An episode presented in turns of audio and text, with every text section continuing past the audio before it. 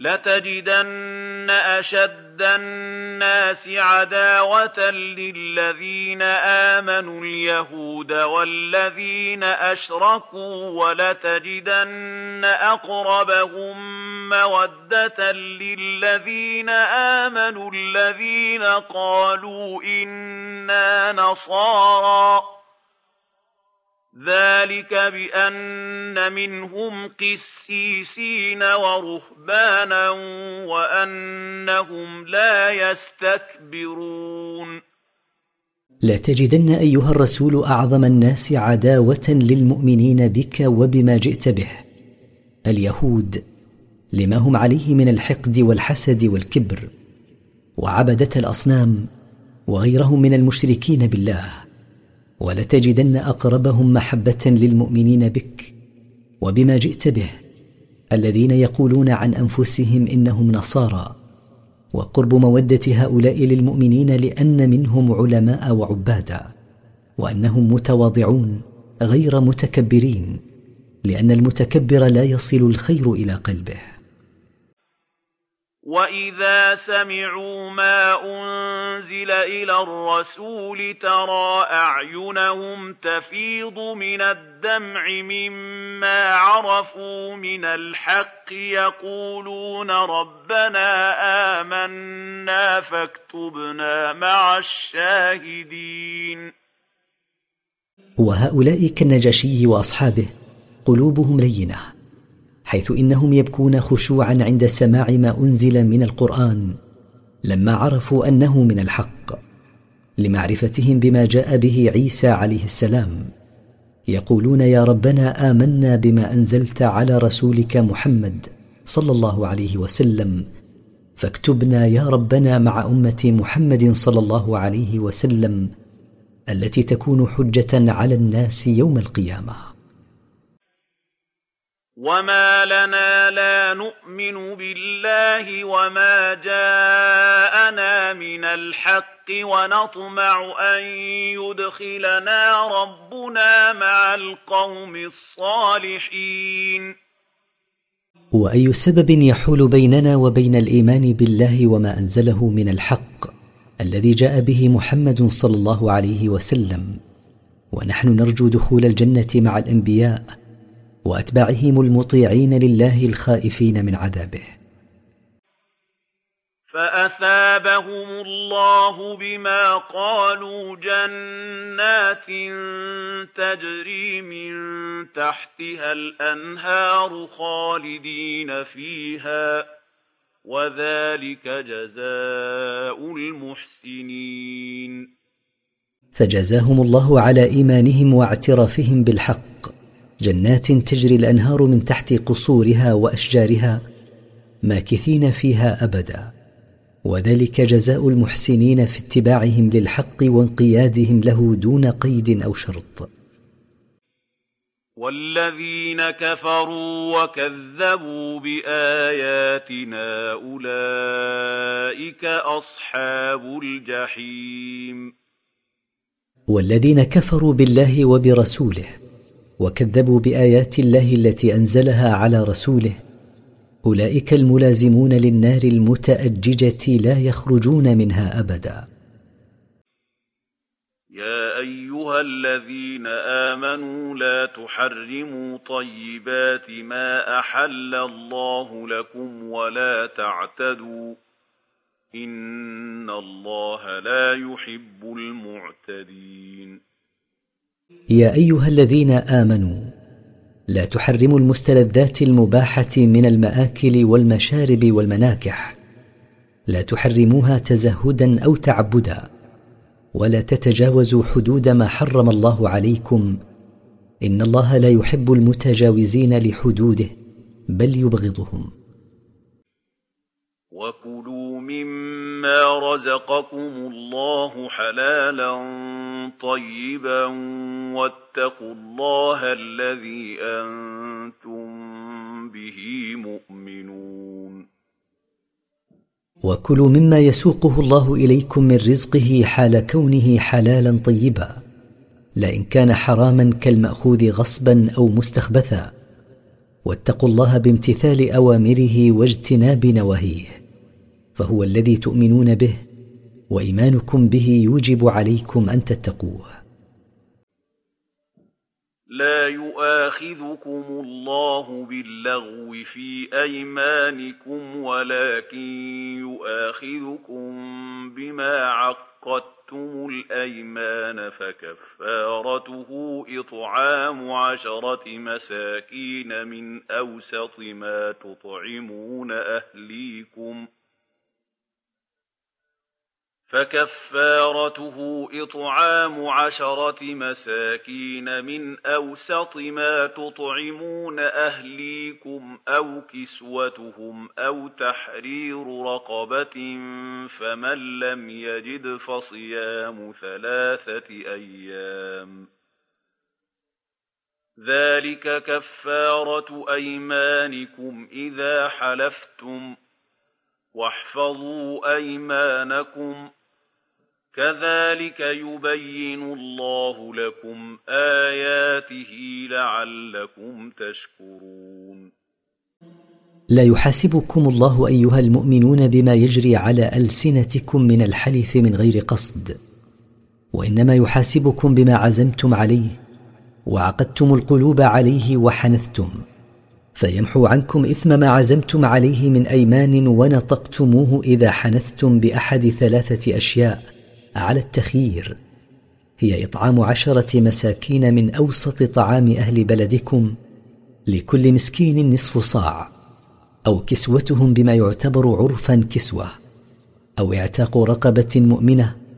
فإذا لم يجد المكفر عن يمينه أحد هذه الأشياء الثلاثة كفر عنها بصيام ثلاثة أيام.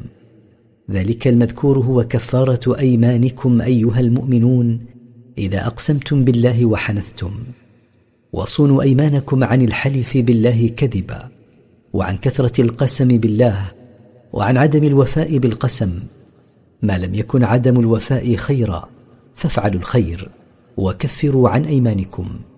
كما بين الله لكم كفارة اليمين يبين الله لكم أحكامه المبينة للحلال والحرام. لعلكم تشكرون الله على أن علمكم ما لم تكونوا تعلمون. يا أيها الذين آمنوا إنما الخمر والميسر والأنصاب والأزلام رجس من عمل الشيطان فاجتنبوه لعلكم تفلحون. يا أيها الذين آمنوا إنما المسكر الذي يذهب العقل والقمار المشتمل على عوض من الجانبين والحجارة التي يذبح عندها المشركون تعظيما لها أو ينصبونها لعبادتها والقداح التي كانوا يطلبون بها ما قسم لهم من الغيب. كل ذلك إثم من تزيين الشيطان. فابتعدوا عنه لعلكم تفوزون بحياة كريمة في الدنيا وبنعيم الجنة في الآخرة. إنما يريد الشيطان أن يوقع بينكم العداوة والبغضاء في الخمر والميسر ويصدكم عن ذكر الله وعن الصلاة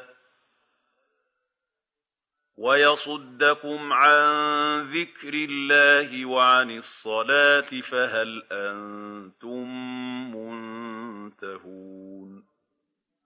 إنما يقصد الشيطان من تزيين المسكر والقمار إيقاع العداوة والبغضاء بين القلوب والصرف عن ذكر الله وعن الصلاة.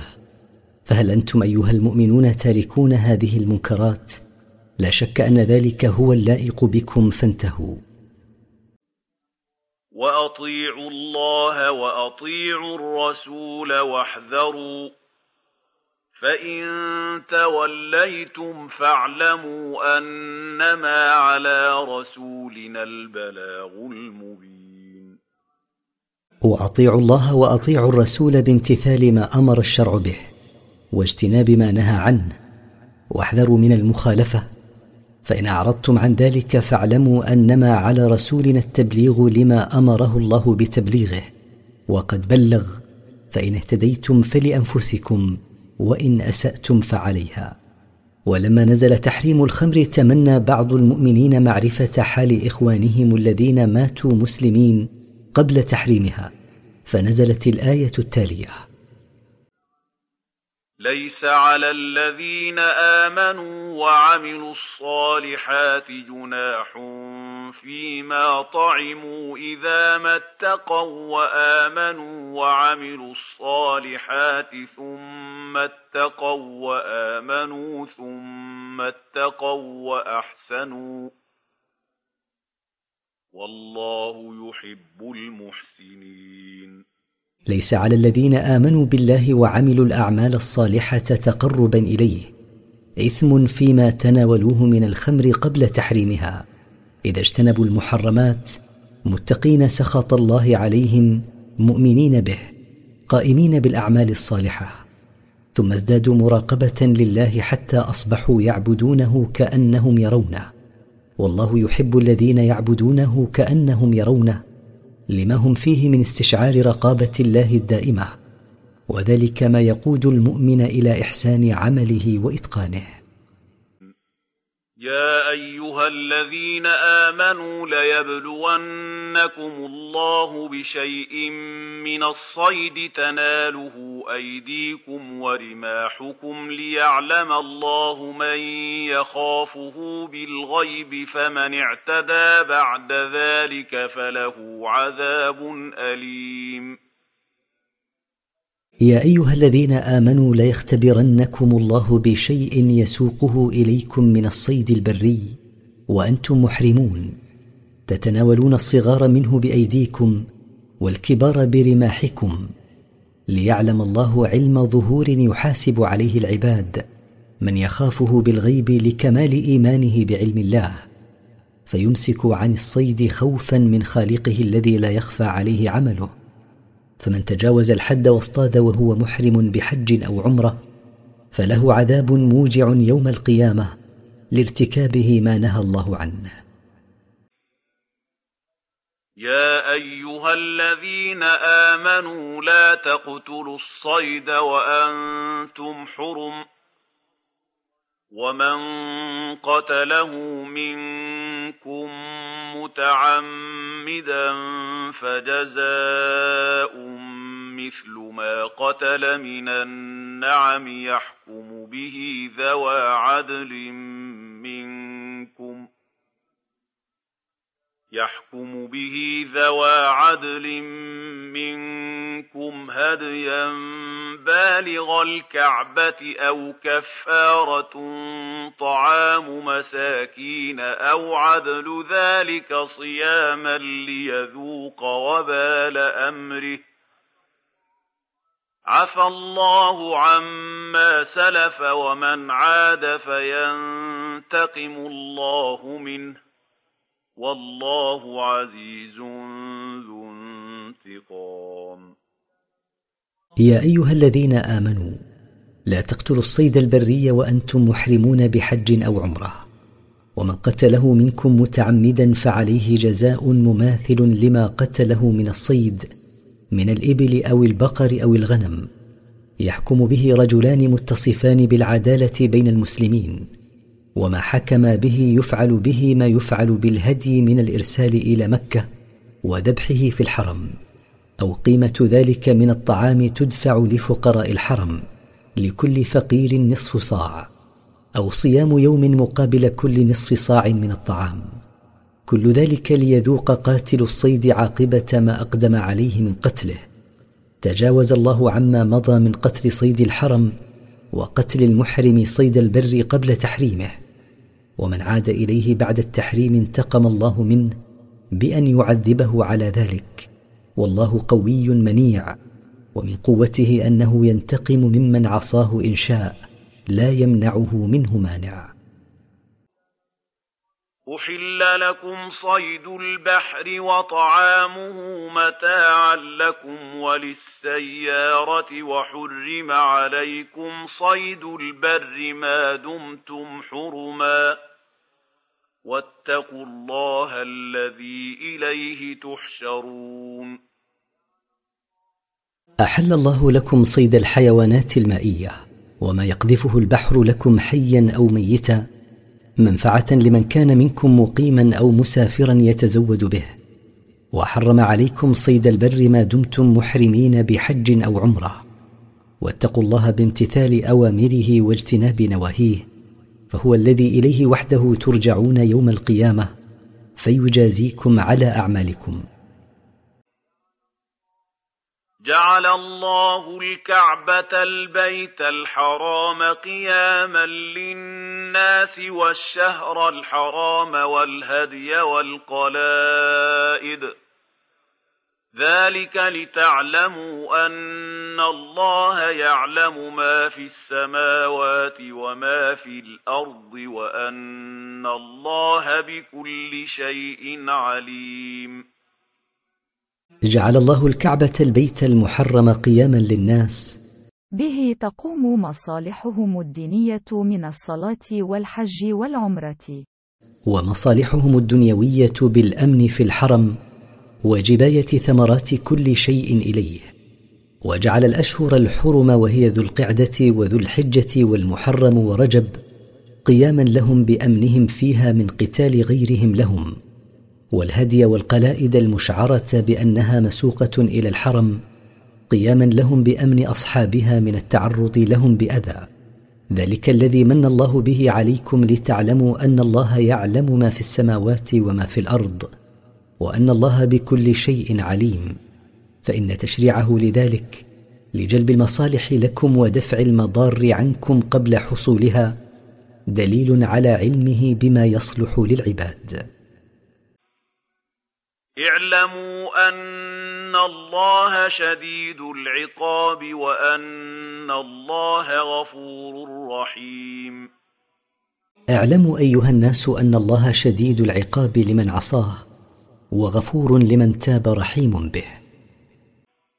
ما على الرسول إلا البلاغ. والله يعلم ما تبدون وما تكتمون.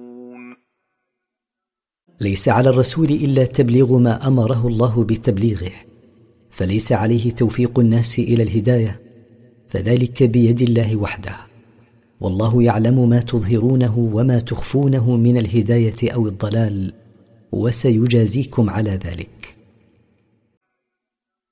قل يستوي الخبيث والطيب ولو أعجبك كثرة الخبيث فاتقوا الله يا أولي الألباب لعلكم تفلحون. قل أيها الرسول لا يستوي الخبيث من كل شيء مع الطيب من كل شيء. ولو أعجبك كثرة الخبيث فإن كثرته لا تدل على فضله. فاتقوا الله يا أصحاب العقول بترك الخبيث وفعل الطيب لعلكم تفوزون بالجنة. يا أيها الذين آمنوا لا تسألوا عن أشياء إن تبد لكم تسؤ ربكم وإن تسألوا عنها حين ينزل القرآن تبد لكم عفى الله عنها والله غفور حليم. يا أيها الذين آمنوا لا تسألوا رسولكم عن أشياء لا حاجة لكم بها وليست مما يعينكم على أمر دينكم. إن تظهر لكم تسؤكم لما فيها من المشقة وإن تسألوا عن هذه الأشياء التي نهيتم عن السؤال عنها حين ينزل الوحي على الرسول تبين لكم وذلك على الله يسير. فقد تجاوز الله عن أشياء سكت عنها القرآن فلا تسألوا عنها. فإنكم إن سألتم عنها نزل عليكم التكليف بحكمها. والله غفور لذنوب عباده إذا تابوا حليم عن أن يعاقبهم بها. قد سألها قوم من قبلكم ثم أصبحوا بها كافرين قد سأل عن مثلها قوم ممن سبقوكم فلما كلفوا بها لم يعملوا بها فأصبحوا كافرين بسببها. ما جعل الله من بحيرة ولا سائبة ولا وصيلة ولا حام ولكن الذين كفروا يفترون على الله الكذب وأكثرهم لا يعقلون أحل الله الأنعام فلم يحرم منها ما حرمه المشركون على أنفسهم لأصنامهم. من البحيرة وهي الناقة التي تقطع أذنها إذا أنجبت عددا معينا. والسائبة وهي الناقة التي إذا بلغت سنا معينة تترك لأصنامهم. والوصيلة وهي الناقة التي تصل إنجاب أنثى بأنثى. والحامي وهو فحل الإبل إذا نتج عدد من الإبل من صلبه. لكن الكفار زعموا كذبا وبهتانا. أن الله حرم المذكورات وأكثر الكافرين لا يميزون بين الحق والباطل والحلال والحرام. وإذا قيل لهم تعالوا إلى ما أنزل الله وإلى الرسول قالوا حسبنا ما وجدنا عليه آباءنا. أولو كان آباؤهم لا يعلمون شيئا ولا يهتدون واذا قيل لهؤلاء المفترين على الله الكذب بتحريم بعض الانعام تعالوا إلى ما أنزل الله من القرآن وإلى سنة الرسول صلى الله عليه وسلم لتعرفوا الحلال من الحرام. قالوا يكفينا ما أخذناه وورثناه عن أسلافنا من الاعتقادات والأقوال والأفعال. كيف يكفيهم ذلك وقد كان أسلافهم لا يعلمون شيئا ولا يهتدون إلى الحق. فلا يتبعهم إلا من هو أجهل منهم وأضل سبيلا. فهم جهلة ضالون. يا ايها الذين امنوا عليكم انفسكم لا يضركم من ضل اذا اهتديتم إلى الله مرجعكم جميعا فينبئكم بما كنتم تعملون يا ايها الذين امنوا عليكم انفسكم فألزموها بالقيام بما يصلحها. لا يضركم من ضل من الناس ولم يستجب لكم. إذا اهتديتم أنتم ومن اهتدائكم أمركم بالمعروف ونهيكم عن المنكر. إلى الله وحده رجوعكم يوم القيامة فيخبركم بما كنتم تعملون في الدنيا ويجازيكم عليه. يا ايها الذين امنوا شهاده بينكم اذا حضر احدكم الموت حين الوصيه اثنان ذوى عدل منكم أو اخران من غيركم اثنان ذوى عدل منكم أو آخران من غيركم إن أنتم ضربتم في الأرض فأصابتكم مصيبة الموت تحبسونهما من بعد الصلاة فيقسمان بالله إن ارتبتم لا نشتري به ثمنا ولو كان ذا قربى ولا نكتم شهادة الله إنا إذا لمن الآثمين. يا أيها الذين آمنوا إذا اقترب موت أحدكم بظهور علامة من علامات الموت فليشهد على وصيته عدلين من المسلمين أو رجلين من الكفار عند الاحتياج لفقد غيرهما من المسلمين. إن سافرتم فنزل بكم الموت وإن حدث ارتياب في شهادتهما فقفوهما بعد إحدى الصلوات فيحلفان بالله لا يبيعان حظهما من الله بعوض ولا يحابيان به قريبا. ولا يكتمان شهادة لله عندهما وأنهما إن فعلا ذلك كانا من المذنبين العاصين لله.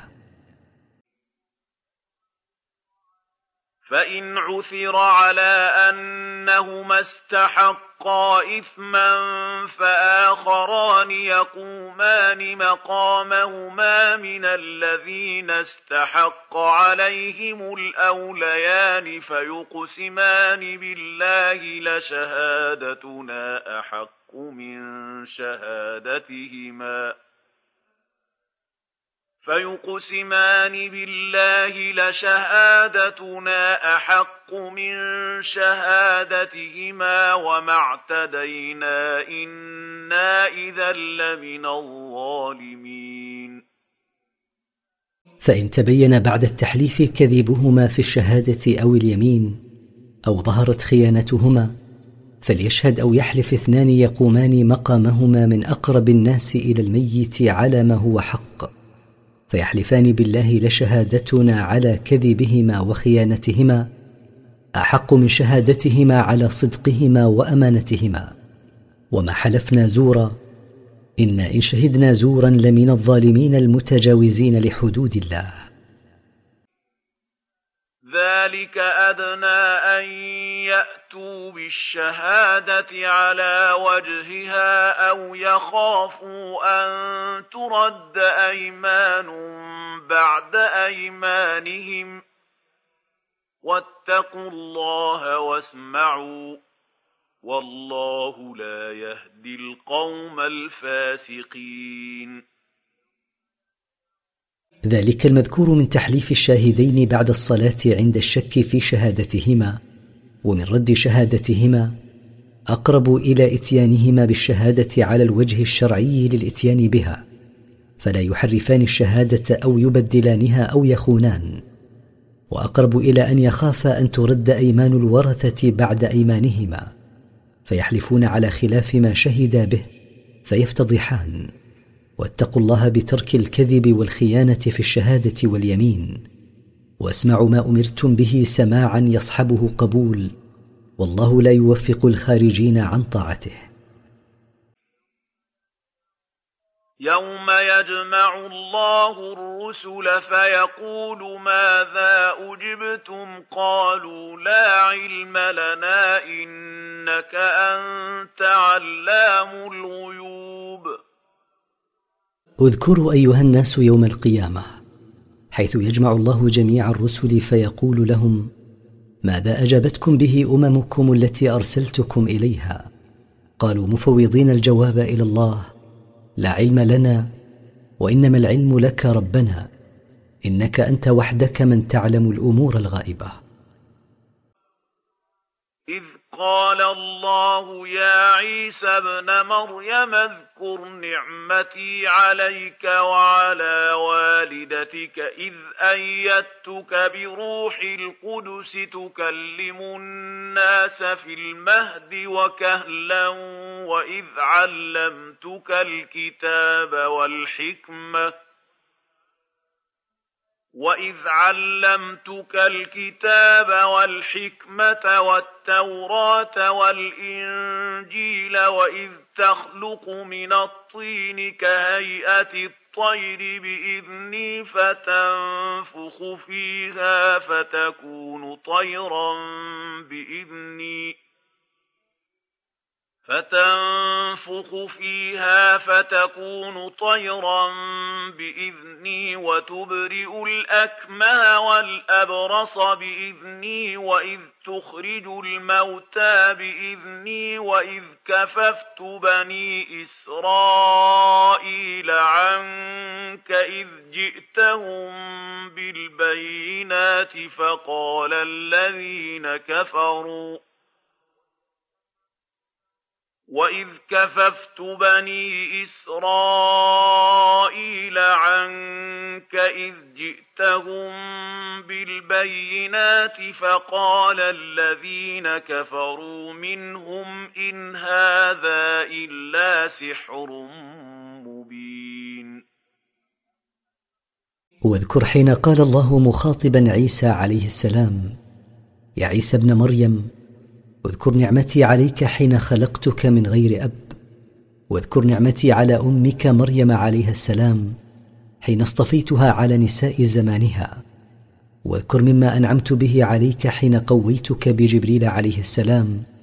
تكلم الناس وأنت رضيع بدعوتهم إلى الله وتكلمهم في كهولتك بما أرسلتك به إليهم ومما أنعمت به عليك أن علمتك الخط وعلمتك التوراة التي أنزلت على موسى عليه السلام والإنجيل الذي أنزل عليك وعلمتك أسرار الشرع وفوائده وحكمه ومما أنعمت به عليك أنك تصور من الطين مثل صورة الطير ثم تنفخ فيه فيكون طيرا وأنك تشفي من ولد أعمى من عماه وتشفي الأبرص فيصير سليم الجلد وتحيي الموتى بدعائك الله أن يحييهم. كل ذلك بإذني. ومما أنعمت به عليك أن دفعت عنك بني إسرائيل لما هموا بقتلك حين جئتهم بالمعجزات الواضحة. فما كان منهم إلا أن كفروا بها وقالوا ما هذا الذي جاء به عيسى إلا سحر واضح؟ وإذ أوحيت إلى الحواريين أن آمنوا بي وبرسولي قالوا آمنا واشهد بأننا مسلمون. واذكر مما أنعمت به عليك أن يسرت لك أعوانا حين ألهمت الحواريين أن يؤمنوا بي وبك فانقادوا لذلك واستجابوا وقالوا آمنا واشهد يا ربنا بأننا مسلمون لك منقادون. إذ قال الحواريون يا عيسى ابن مريم هل يستطيع ربك أن ينزل علينا مائدة من السماء؟ قال اتقوا الله إن واذكر حين قال الحواريون هل يستطيع ربك إذا دعوته أن ينزل مائدة من السماء؟ فأجابهم عيسى عليه السلام بأن أمرهم بتقوى الله وترك طلب ما سألوا إذ لعل فيه فتنة لهم.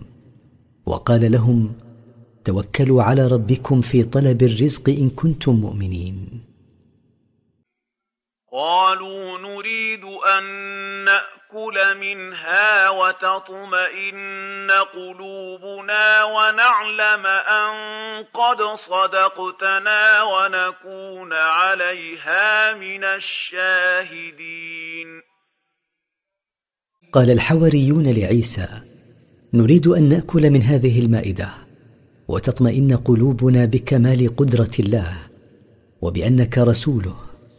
ونعلم علم اليقين أنك صدقتنا فيما جئت به من عند الله ونكون عليها من الشاهدين لمن لم يحضرها من الناس.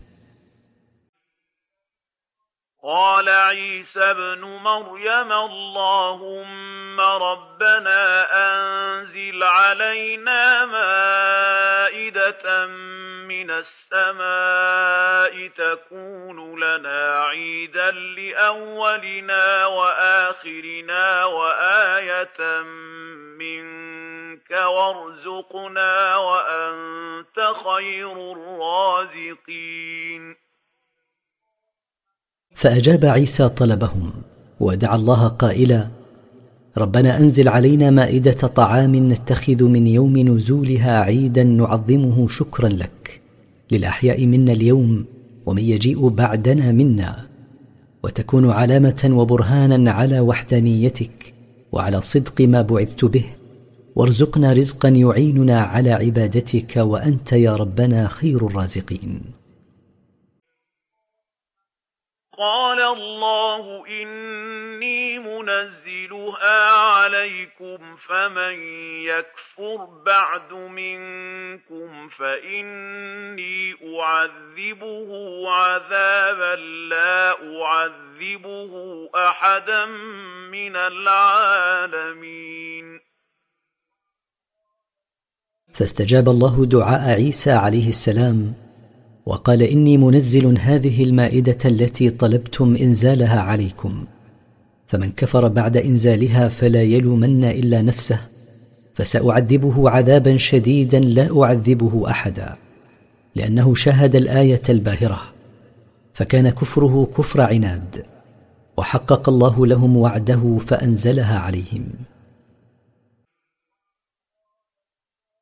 واذ قال الله يا عيسى ابن مريم أأنت قلت للناس اتخذوني وأمي إلهين من دون الله؟ قال سبحانك ما يكون لي أن أقول ما ليس لي بحق. إن كنت قلته فقد علمته. تعلم ما في نفسي ولا أعلم ما في نفسك. إنك أنت علام الغيوب. واذكر حين يقول الله يوم القيامة مخاطبا عيسى بن مريم عليه السلام يا عيسى بن مريم هل قلت للناس صيروني وأمي معبودين من دون الله؟ فأجاب عيسى منزها ربه لا ينبغي لي أن أقول لهم إلا الحق. وإن قدر أني قلت ذلك فقد علمته لأنك لا يخفى عليك شيء. تعلم ما أضمره في نفسي ولا أعلم ما في نفسك. إنك وحدك من تعلم كل غائب وكل خفي وكل ظاهر. ما قلت لهم إلا ما أمرتني به أن اعبدوا الله ربي وربكم وكنت عليهم شهيدا ما دمت فيهم فلما توفيتني كنت أنت الرقيب عليهم وأنت على كل شيء شهيد. قال عيسى لربه ما قلت للناس إلا ما أمرتني بقوله من أمرهم بإفرادك بالعبادة. وكنت رقيبا على ما يقولون طيلة وجودي بين أظهرهم. فلما أنهيت مدة بقائي بينهم برفعي إلى السماء حيا كنت يا رب أنت الحفيظ لأعمالهم. وأنت على كل شيء شهيد. لا يغيب عنك شيء فلا يخفى عليك ما قلت لهم وما قالوا بعدي. تعذبهم فإنهم عبادك وإن تغفر لهم فإنك أنت العزيز الحكيم. إن تعذبهم يا رب فإنهم عبادك تفعل بهم ما تشاء. وإن تمن على من آمن منهم بالمغفرة فلا مانع لك من ذلك. فأنت العزيز الذي لا يغالب الحكيم في تدبيرك. قال الله هذا يوم ينفع الصادقين صدقهم لهم جنات تجري من تحتها الأنهار خالدين فيها أبدا. رضي الله عنهم ورضوا عنه. ذلك الفوز العظيم. قال الله لعيسى عليه السلام هذا يوم ينفع صادق النيات والأعمال والأقوال صدقهم. لهم جنات تجري الأنهار من تحت قصورها وأشجارها ماكثين فيها ابدا لا يعتريهم موت رضي الله عنهم فلا يسخط عليهم ابدا ورضوا عنه لما نالوه من النعيم المقيم ذلك الجزاء والرضا عنهم هو الفوز العظيم فلا فوز يدانيه. السماوات والأرض وما فيهن وهو على كل شيء قدير. لله وحده ملك السماوات والأرض فهو خالقهما ومدبر أمرهما وله ملك ما فيهن من جميع المخلوقات وهو على كل شيء قدير فلا يعجزه شيء. بسم الله الرحمن الرحيم. سورة الأنعام مكية من مقاصد السورة. تقرير عقيدة التوحيد والرد على ضلالات المشركين. التفسير الحمد لله الذي خلق السماوات والأرض وجعل الظلمات والنور. ثم الذين كفروا بربهم يعدلون. الوصف بالكمال المطلق والثناء بالمحاسن العليا مع المحبة. ثابت لله الذي خلق السماوات وخلق الأرض من غير مثال سابق. وخلق الليل والنهار يتعاقبان فأظلم الليل وأنار النهار. ومع هذا فالذين كفروا يسوون به غيره ويجعلونه شريكا له. هو الذي خلقكم من طين ثم قضى أجلا وأجل مسمى عنده ثم أنتم تمترون. هو سبحانه الذي خلقكم أيها الناس من طين حين خلق أباكم آدم عليه السلام منه ثم ضرب سبحانه مدة لإقامتكم في الحياة الدنيا وضرب اجلا آخر لا يعلمه إلا هو لبعثكم يوم القيامة. ثم أنتم تشكون في قدرته سبحانه على البعث. وهو الله في السماوات وفي الأرض. يعلم سركم وجهركم ويعلم ما تكسبون. وهو سبحانه المعبود بحق في السماوات والأرض. لا يخفى عليه شيء.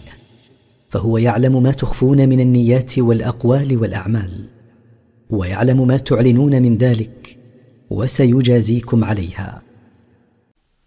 وما تأتي تأتيهم من آية من آيات ربهم إلا كانوا عنها معرضين وما تأتي المشركين من حجة من عند ربهم إلا تركوها غير مبالين بها.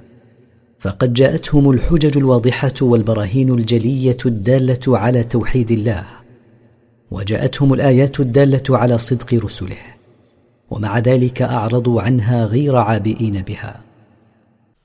فقد كذبوا بالحق لما جاءهم فسوف يأتيهم أنباء ما كانوا به يستهزئون. وهم إن أعرضوا عن تلك الحجج الواضحة والبراهين الجلية فقد أعرضوا عما هو أوضح.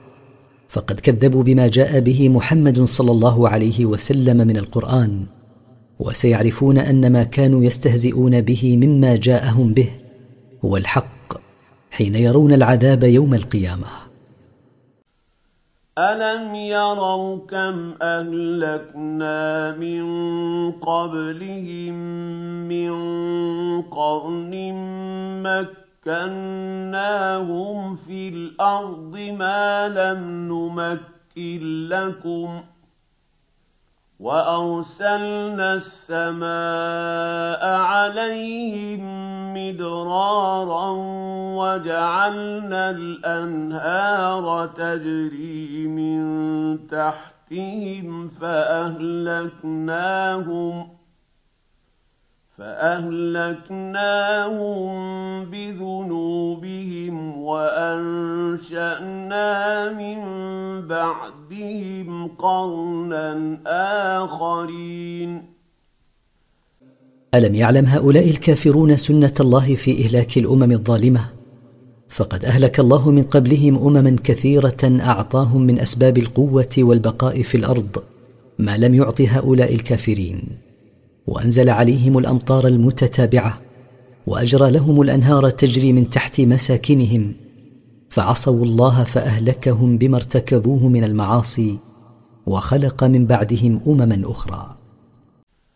ولو نزلنا عليك كتابا في قرطاس فلمسوه بايديهم لقال الذين كفروا ان هذا الا سحر مبين ولو نزلنا عليك ايها الرسول كتابا مكتوبا في اوراق وشاهدوه باعينهم وتأكدوا منه بتحسسهم الكتاب بأيديهم لما آمنوا به جحودا منهم وتعنتا.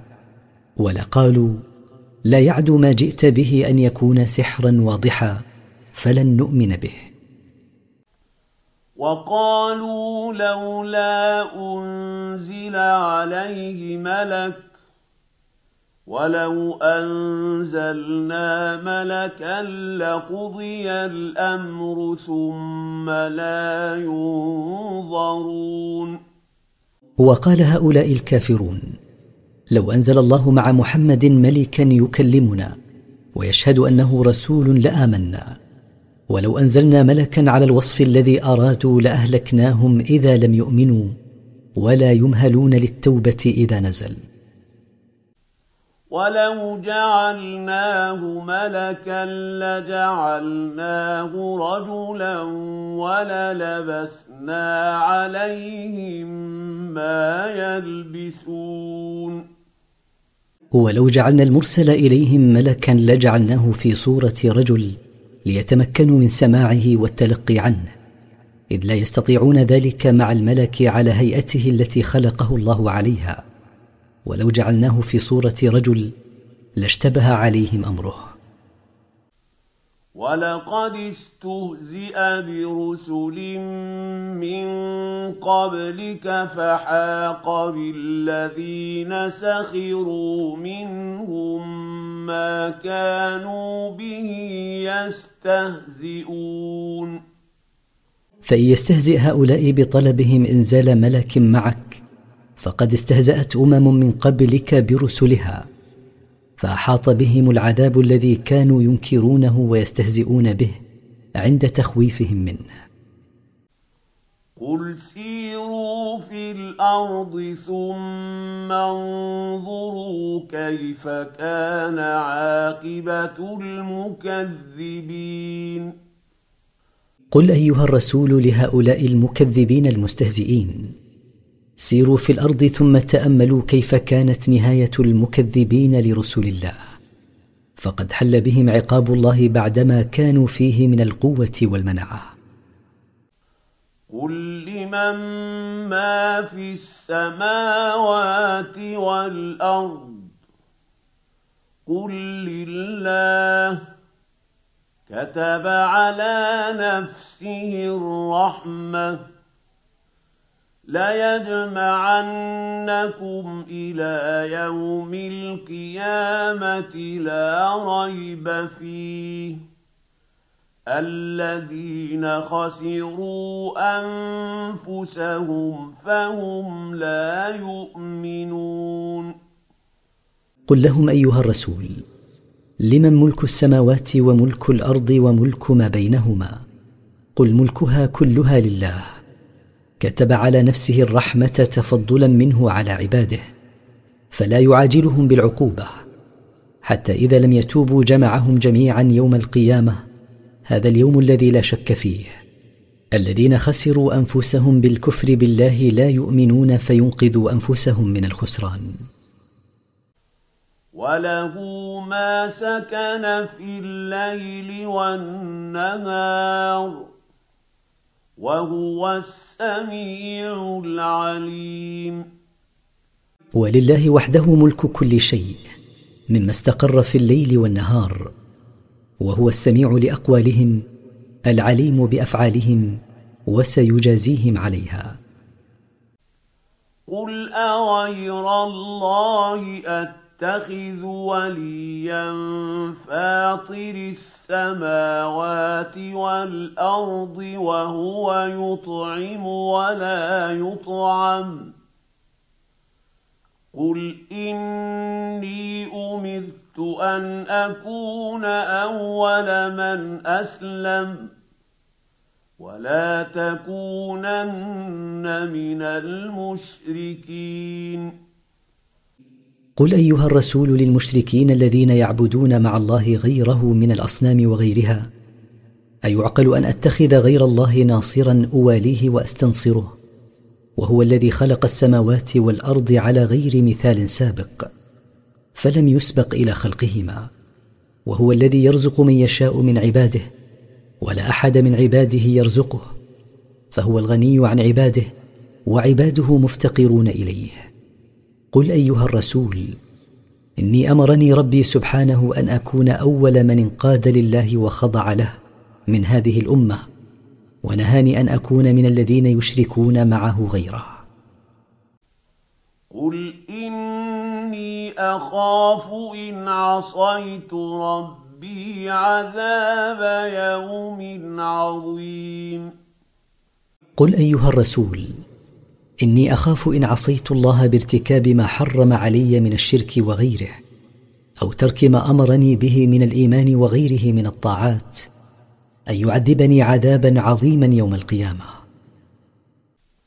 من يصرف عنه يومئذ فقد رحمه وذلك الفوز المبين.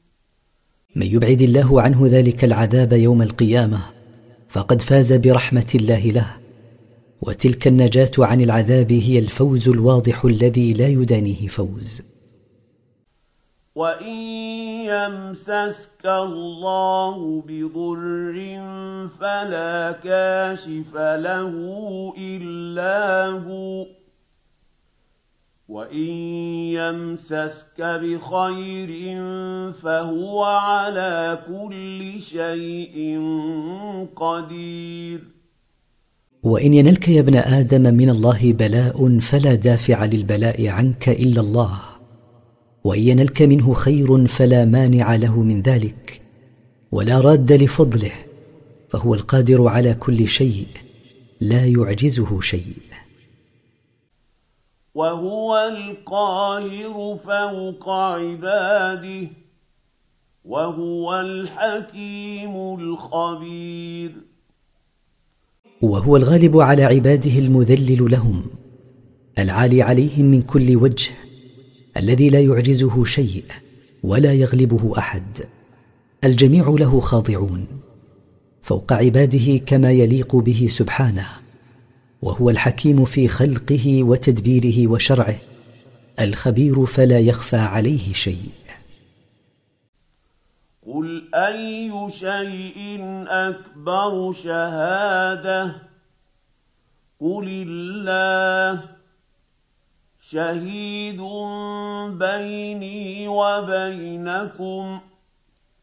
واوحي الي هذا القران لانذركم به ومن بلغ أئنكم لتشهدون أن مع الله آلهة أخرى قل لا أشهد قل إنما هو إله واحد وإنني بريء مما تشركون قل أيها الرسول للمشركين المكذبين بك أي شيء أجل وأعظم شهادة على صدقي؟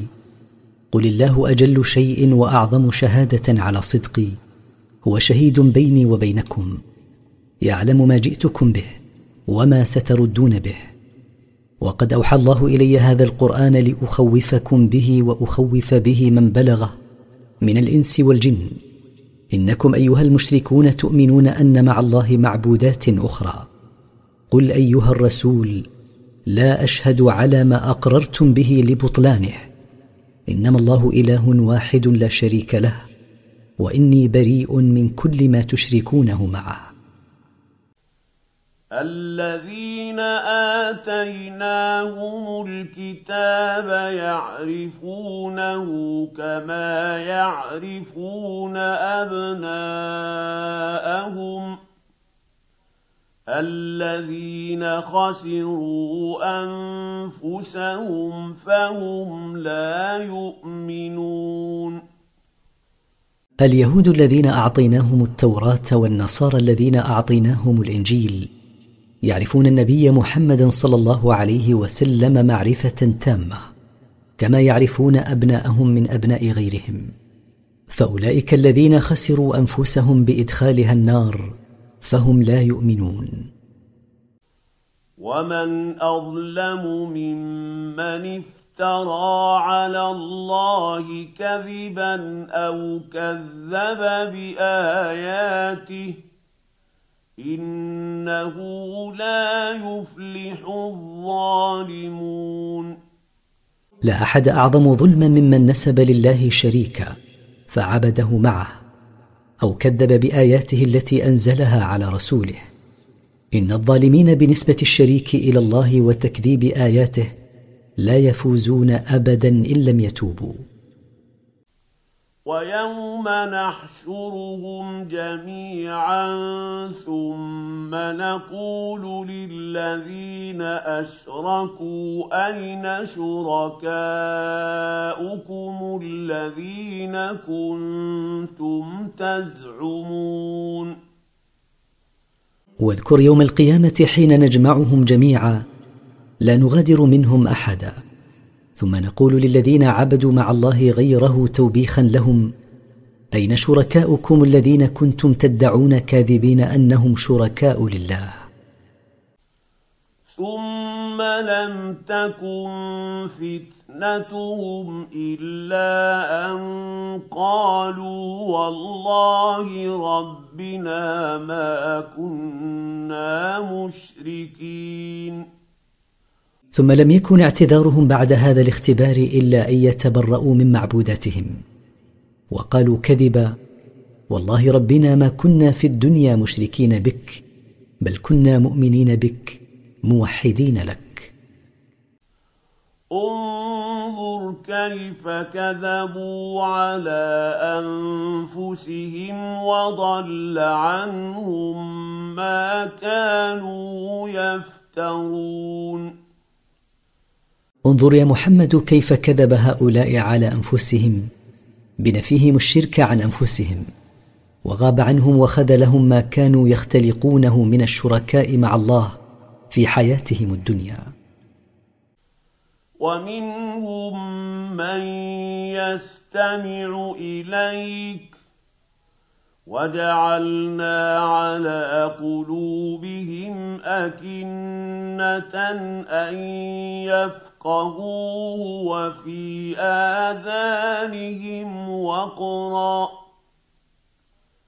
وإن يروا كل آية لا يؤمنوا بها حتى حتى إذا جاءوك يجادلونك يقول الذين كفروا إن هذا إلا أساطير الأولين ومن المشركين من يستمع إليك أيها الرسول إذا قرأت القرآن لكنهم لا ينتفعون بما يستمعون إليه. لأنا جعلنا على قلوبهم أغطية حتى لا يفقهوا القرآن بسبب عنادهم وإعراضهم وجعلنا في آذانهم صمما عن السماع النافع ومهما يروا من الدلالات الواضحة والحجج الجلية لا يؤمنوا بها حتى إذا جاءوك يخاصمونك في الحق بالباطل يقولون ليس الذي جئت به إلا مأخوذا عن كتب الأوائل. وهم ينهون عنه وينأون عنه وإن يهلكون إلا أنفسهم وما يشعرون وهم ينهون الناس عن الإيمان بالرسول ويبتعدون عنه فلا يتركون من ينتفع به ولا ينتفعون هم به. وما يهلكون بصنيعهم هذا إلا أنفسهم وما علموا أن ما يقومون به إهلاك لها. ولو ترى إذ وقفوا على النار فقالوا يا ليتنا نرد ولا نكذب بآيات ربنا ونكون من المؤمنين. ولو ترى أيها الرسول حين يعرضون يوم القيامة على النار فيقولون تحسرا يا ليتنا نرد إلى الحياة الدنيا ولا نكذب بآيات الله ونكون من المؤمنين بالله. لرأيت عجبا من سوء حالهم.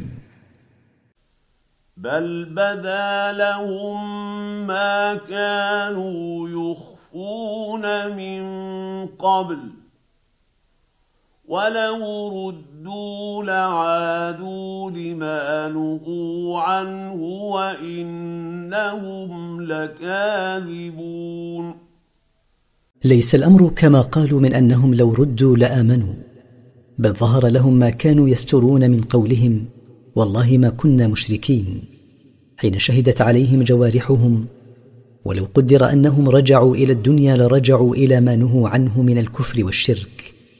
وإنهم لكاذبون في وعدهم بالإيمان إذا رجعوا. وقالوا إن هي إلا حياتنا الدنيا وما نحن بمبعوثين. وقال هؤلاء المشركون لا حياة إلا الحياة التي نحن فيها ولسنا مبعوثين للحساب. ولو ترى إذ وقفوا على ربهم قال أليس هذا بالحق قالوا بلى وربنا قال فذوقوا العذاب بما كنتم تكفرون ولو ترى أيها الرسول حين أوقف منكر البعث بين يدي ربهم لرأيت العجب من سوء حالهم حين يقول لهم الله أليس هذا البعث الذي كنتم تكذبون به حقا ثابتا لا مرية فيه ولا شك؟ قالوا أقسمنا بربنا الذي خلقنا إنه لحق ثابت لا شك فيه. فيقول لهم الله عند ذلك فذوقوا العذاب بسبب كفركم بهذا اليوم. فكنتم به تكذبون في الحياة الدنيا. قد خسر الذين كذبوا بلقاء الله حتى إذا جاءتهم الساعة بغتة قالوا يا حسرتنا على ما فرطنا فيها وهم يحملون أوزارهم على ظهورهم ألا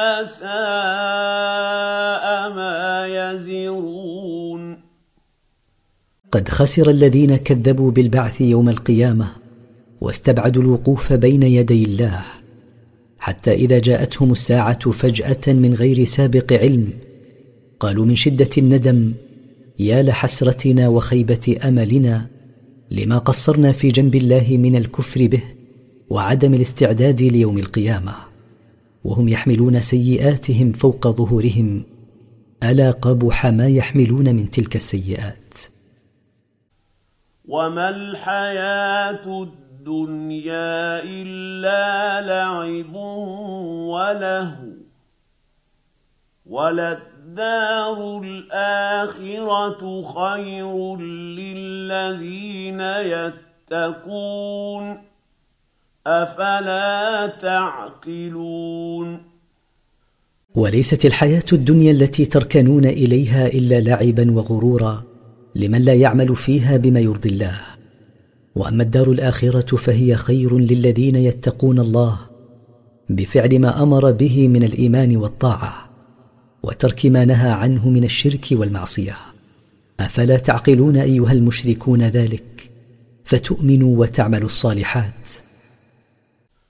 قد نعلم انه ليحزنك الذي يقولون فانهم لا يكذبونك ولكن الظالمين بايات الله يجحدون نحن نعلم أنك أيها الرسول يحزنك تكذيبهم لك في الظاهر فاعلم أنهم لا يكذبونك في أنفسهم لعلمهم بصدقك وأمانتك ولكنهم قوم ظالمون ينكرون أمرك ظاهرا وهم يوقنون به في أنفسهم.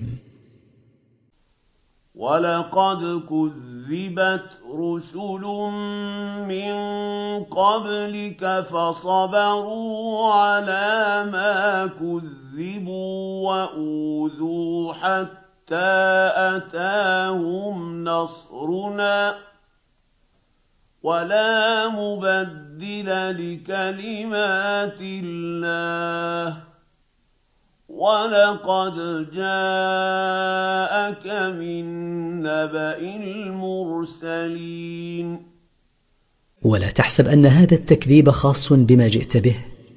فقد كذبت رسل من قبلك واذاهم اقوامهم. فواجهوا ذلك بالصبر على الدعوه والجهاد في سبيل الله. حتى جاءهم النصر من الله. ولا مبدل لما كتبه الله من النصر. ووعد به رسله. ولقد جاءك أيها الرسول من أخبار من قبلك من الرسل وما لقوه من أقوامهم وما حباهم الله من النصر على أعدائهم بإهلاكهم.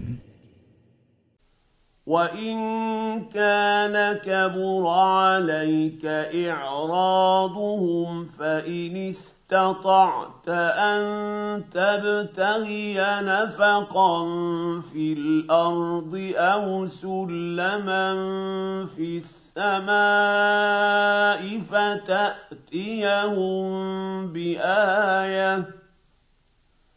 وَلَوْ شَاءَ اللَّهُ لَجَمَعَهُمْ عَلَى الْهُدَىٰ. فلا تكونن من الجاهلين.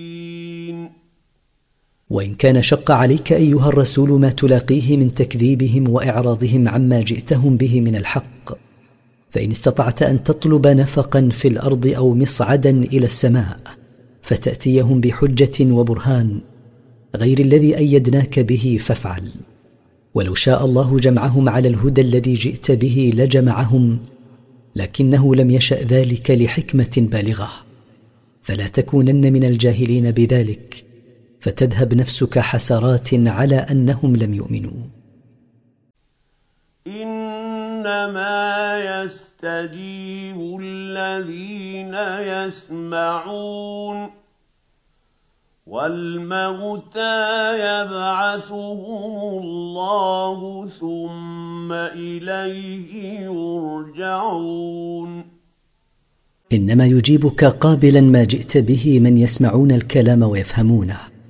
والكفار موتى لا شأن لهم فقد ماتت قلوبهم. والموتى يبعثهم الله يوم القيامة ثم إليه وحده يرجعون ليجازيهم على ما قدموا.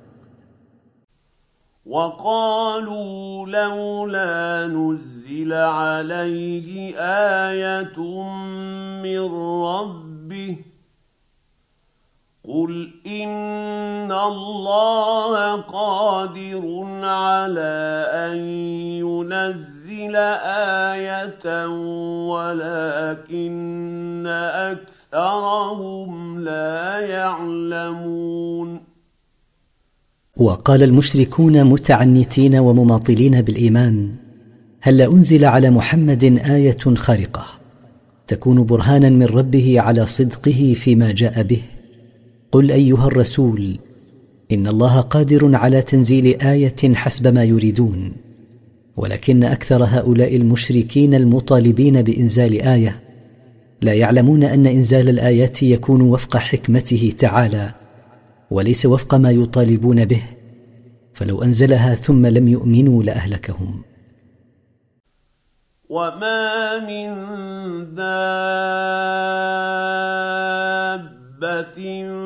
في الأرض ولا طائر يطير بجناحيه إلا أمم أمثالكم ۖ ما فرطنا في الكتاب من شيء ثم إلى ربهم يحشرون وما من حيوان يتحرك فوق الأرض ولا طائر يطير في السماء الا اجناس مثلكم يا بني آدم في الخلق والرزق. ما تركنا في اللوح المحفوظ شيئا الا اثبتناه والجميع علمهم عند الله. ثم إلى ربهم وحده يوم القيامة يجمعون لفصل القضاء فيجازي كلا بما يستحقه.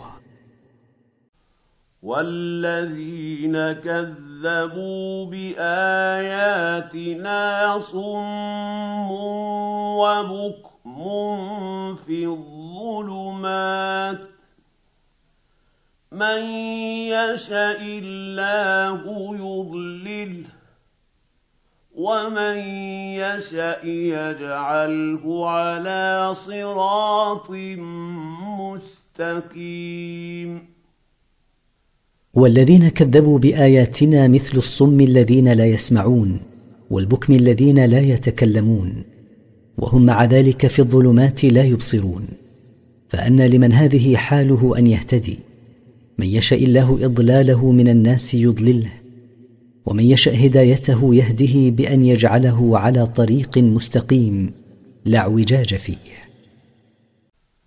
قل أرأيتكم إن أتاكم عذاب الله أو أتتكم الساعة أغير الله تدعون إن كنتم صادقين؟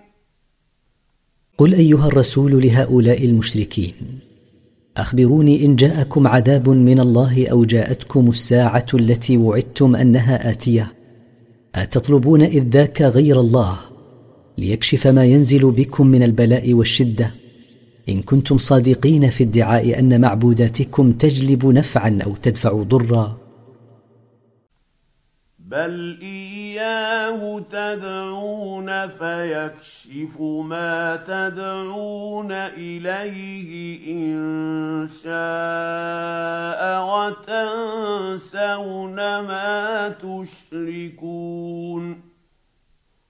الحق أنكم لا تدعون إذ ذاك غير الله الذي خلقكم. فيصرف عنكم البلاء ويرفع عنكم الضر إن شاء فهو ولي ذلك والقادر عليه. وأما معبوداتكم التي أشركتموها مع الله فتتركونها لعلمكم أنها لا تنفع ولا تضر. ولقد أرسلنا إلى أمم من قبلك فأخذناهم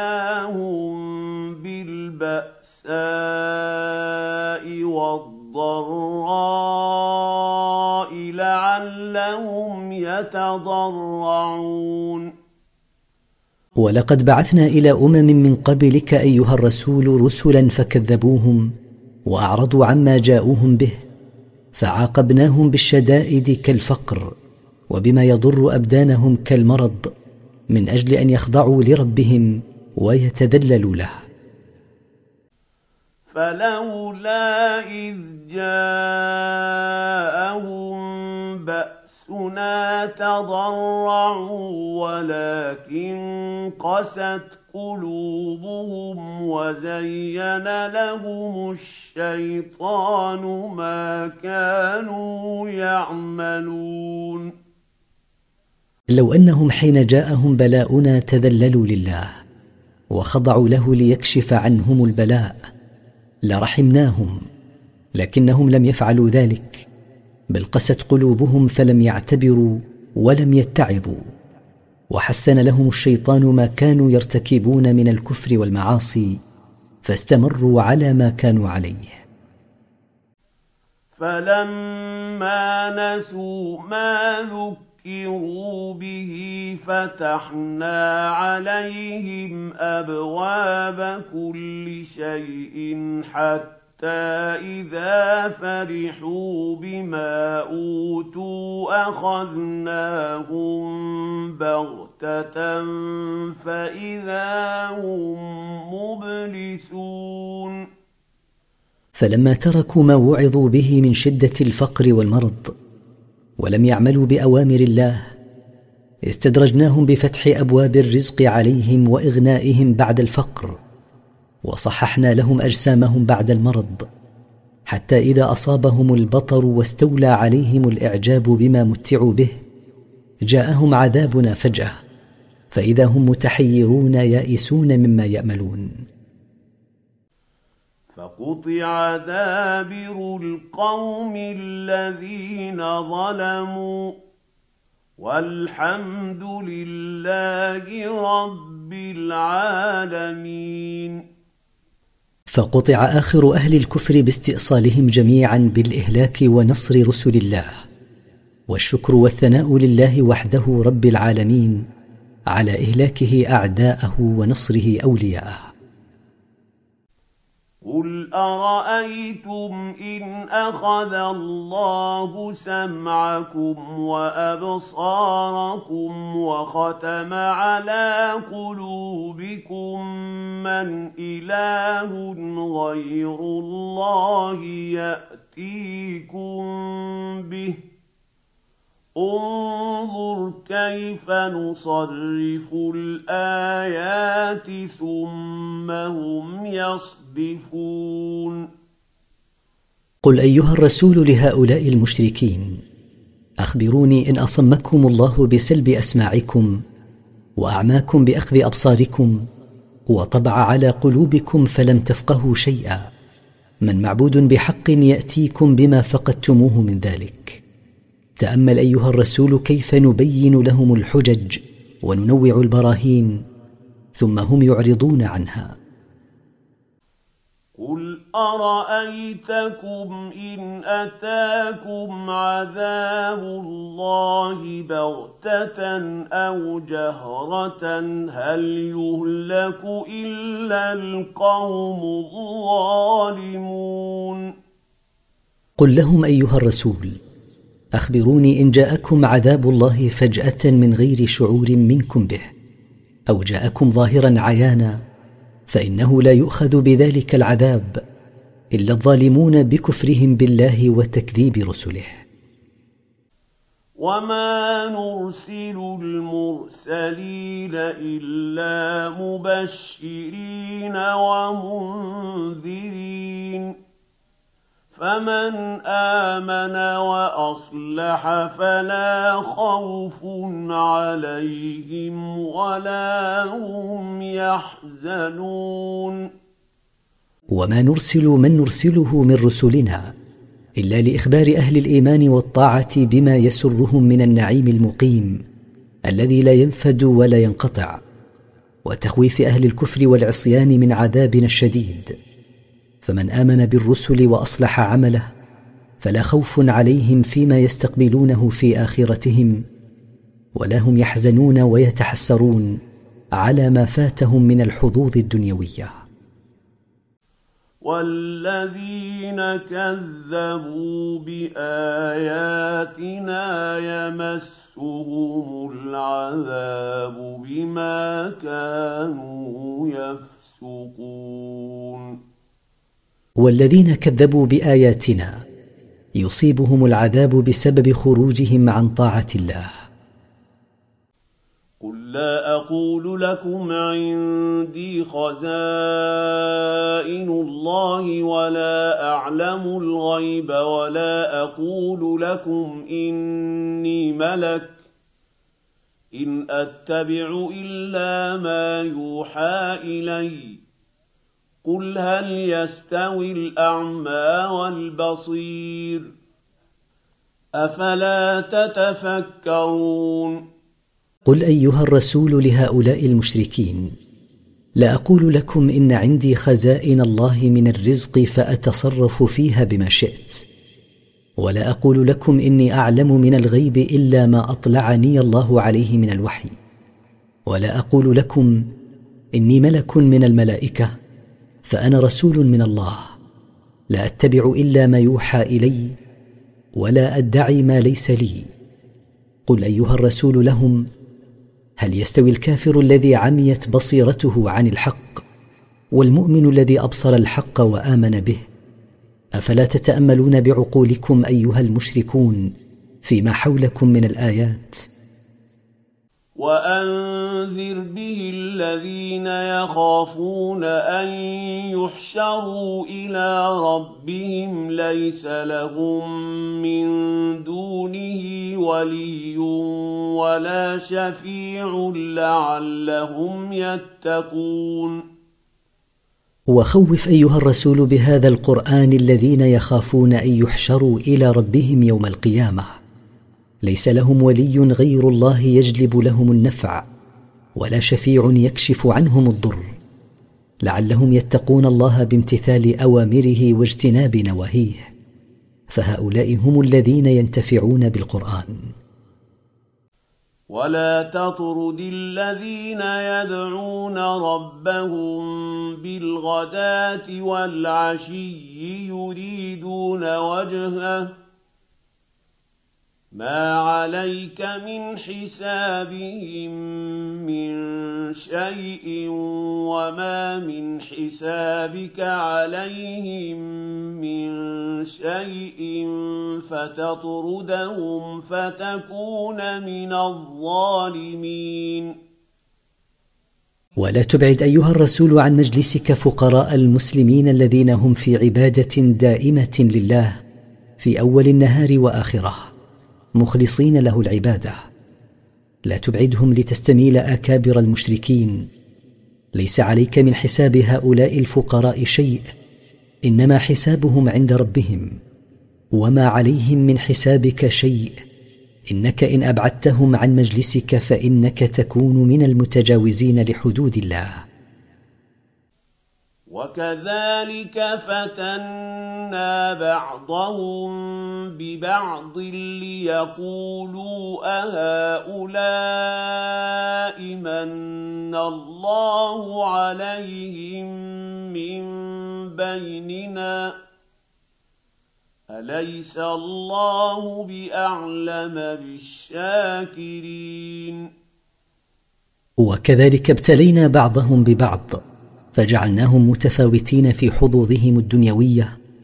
ابتليناهم بذلك ليقول الكافرون الأغنياء لفقراء المؤمنين أهؤلاء الفقراء تفضل الله عليهم بالهداية من بيننا؟ لو كان الإيمان خيرا ما سبقونا إليه فنحن أهل السبق. أليس الله بأعلم بالشاكرين لنعمه؟ فيوفقهم للإيمان وأعلم بالكافرين لها فيخذلهم فلا يؤمنون. بلى إن الله أعلم بهم. واذا جاءك الذين يؤمنون باياتنا فقل سلام عليكم كتب ربكم على نفسه الرحمة أنه من عمل منكم سوءا بجهالة ثم تاب من بعده وأصلح فأنه غفور رحيم. وإذا جاءك أيها الرسول الذين يؤمنون بآياتنا الشاهده على صدق ما جئت به فرد عليهم السلام إكراما لهم وبشرهم بسعة رحمة الله فقد أوجب الله على نفسه الرحمة إيجاب تفضل فمن ارتكب منكم معصية في حال جهل وسفه ثم تاب من بعد ارتكابه لها وأصلح عمله فإن الله يغفر له ما ارتكبه. فالله غفور لمن تاب من عباده رحيم بهم. وكذلك نفصل الآيات ولتستبين سبيل المجرمين. وكما بينا لك ما ذكر نبين أدلتنا وحجتنا على أهل الباطل ولإيضاح طريق المجرمين ومنهجهم لاجتنابه والحذر منه. قل اني نهيت ان اعبد الذين تدعون من دون الله قل لا اتبع اهواءكم قد ضللت اذا وما أنا من المهتدين قل ايها الرسول إني نهاني الله عن عبادة الذين تعبدونهم من دون الله.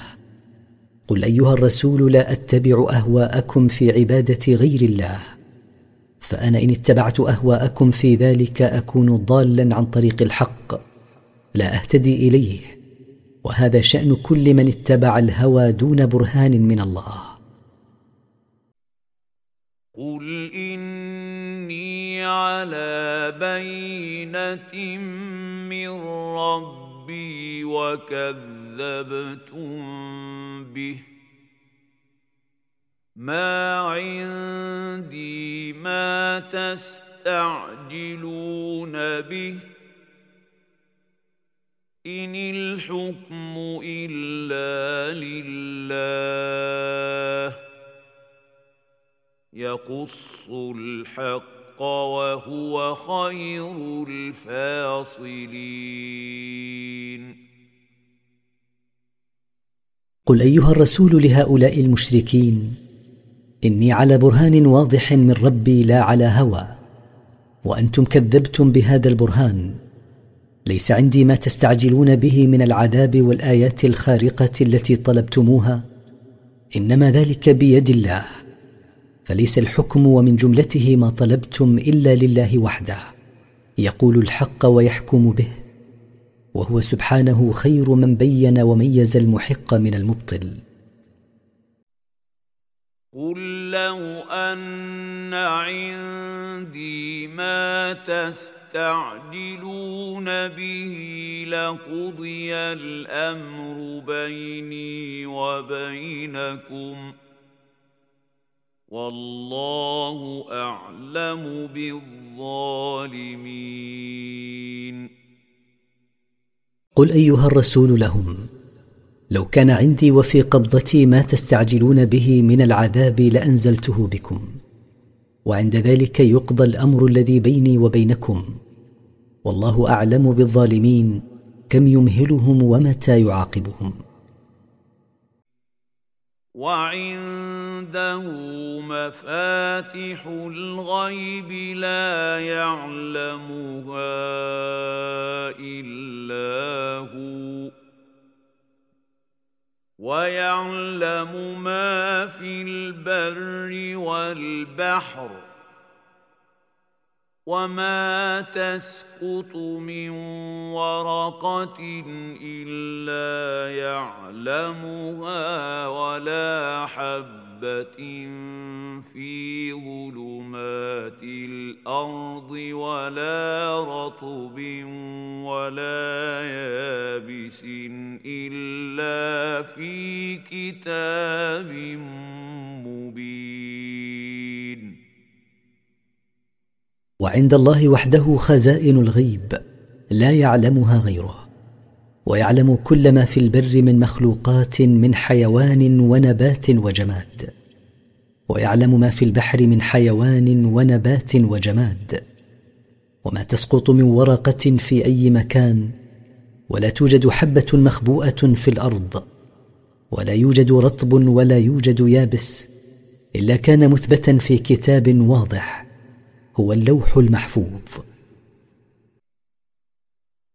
وهو الذي يتوفاكم بالليل ويعلم ما جرحتم بالنهار ثم يبعثكم فيه ليقضى أجل مسمى.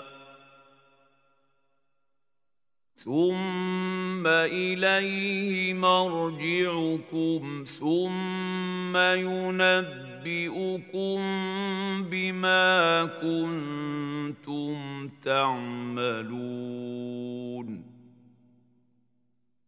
والله هو الذي يقبض أرواحكم عند النوم قبضا مؤقتا. وهو الذي يعلم ما كسبتم من الأعمال في النهار وقت نشاطكم ثم يبعثكم في النهار بعد قبض أرواحكم بالنوم لتقوموا بأعمالكم حتى تنتهي آجال حياتكم المقدرة عند الله. ثم إليه وحده رجوعكم بالبعث يوم القيامة ثم يخبركم بما كنتم تعملونه في حياتكم الدنيا ويجازيكم عليه. وهو القاهر فوق عباده ويرسل عليكم حفظه حتى إذا جاء أحدكم الموت توفته رسلنا وهم لا يفرطون. والله هو الغالب على عباده المذلل لهم العالي عليهم من كل وجه الذي خضع له كل شيء فوق عباده فوقية تليق بجلاله سبحانه وتعالى. ويرسل عليكم أيها الناس ملائكة كراما تحصي أعمالكم حتى ينتهي أجل أحدكم بقبض ملك الموت وأعوانه روحه وهم لا يقصرون فيما أمروا به. ثم ردوا إلى الله مولاهم الحق. ألا له الحكم وهو أسرع الحاسبين. ثم رد جميع من قبضت أرواحهم إلى الله مالكهم الحق ليجازيهم على أعمالهم الذي له القضاء النافذ والحكم العدل فيهم وهو أسرع من عدكم وأحصى أعمالكم. قل من ينجيكم من ظلمات البر والبحر تدعونه تضرعا وخفيه لئن انجانا من هذه لنكونن من الشاكرين قل ايها الرسول لهؤلاء المشركين من ينقذكم ويسلمكم من المهالك التي تلقونها في ظلمات البر والبحر. تدعونه وحده متذللين مستكينين في السر والعلن. لئن سلمنا ربنا من هذه المهالك لنكونن من الشاكرين لنعمه علينا بألا نعبد غيره. قل الله ينجيكم منها ومن كل كرب ثم أنتم تشركون. قل لهم أيها الرسول الله هو الذي ينقذكم منها ويسلمكم من كل كرب ثم أنتم بعد ذلك تشركون معه غيره في حالة السراء. فأي ظلم فوق ما تقومون به. قل هو القادر على أن يبعث عليكم عذابا من فوقكم أو من تحت أرجلكم أو يلبسكم شيعا ويذيق بعضكم بأس بعض. انظر كيف نصرف الآيات لعلهم يفقهون. قل لهم أيها الرسول الله هو القادر على أن يرسل عليكم عذابا يأتيكم من فوقكم مثل الحجارة والصواعق والطوفان أو يأتيكم من تحتكم مثل الزلازل والخسف أو يخالف بين قلوبكم فيتبع كل منكم هواه فيقاتل بعضكم بعضا. تأمل أيها الرسول كيف ننوع لهم الأدلة والبراهين؟ ونبينها لعلهم يفهمون أن ما جئت به حق وأن ما عندهم باطل. وكذب به قومك وهو الحق. قل لست عليكم بوكيل.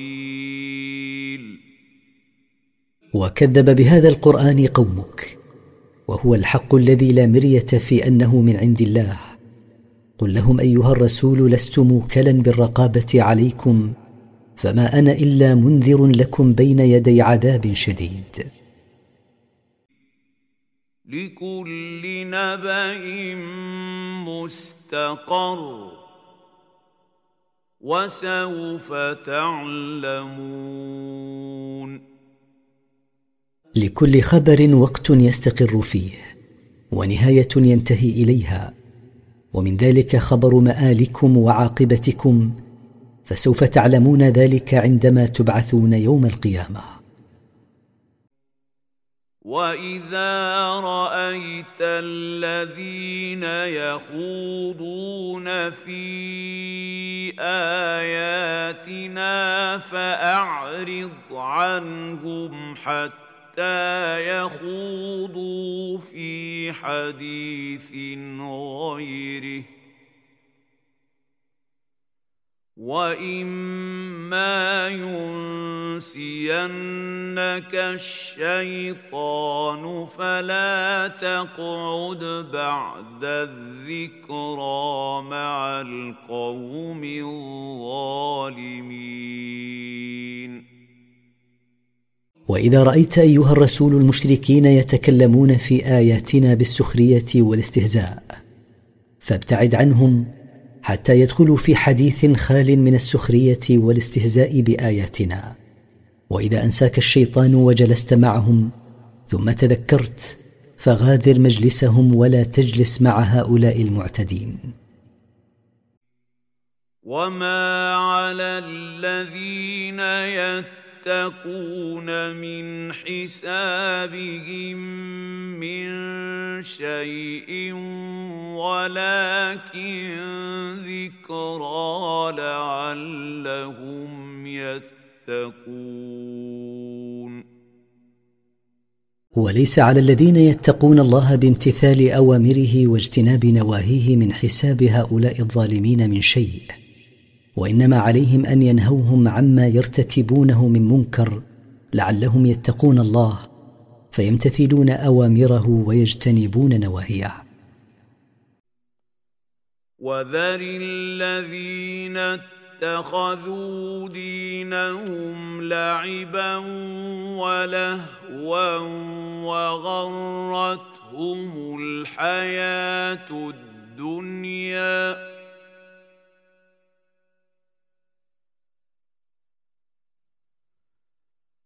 وذكر به أن تبسل نفس بما كسبت ليس لها من دون الله ولي ولا شفيع وإن تعدل كل عدل لا يؤخذ منها ۖ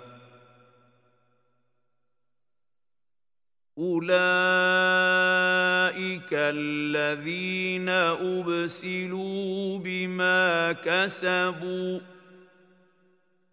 لهم شراب من حميم وعذاب اليم بما كانوا يكفرون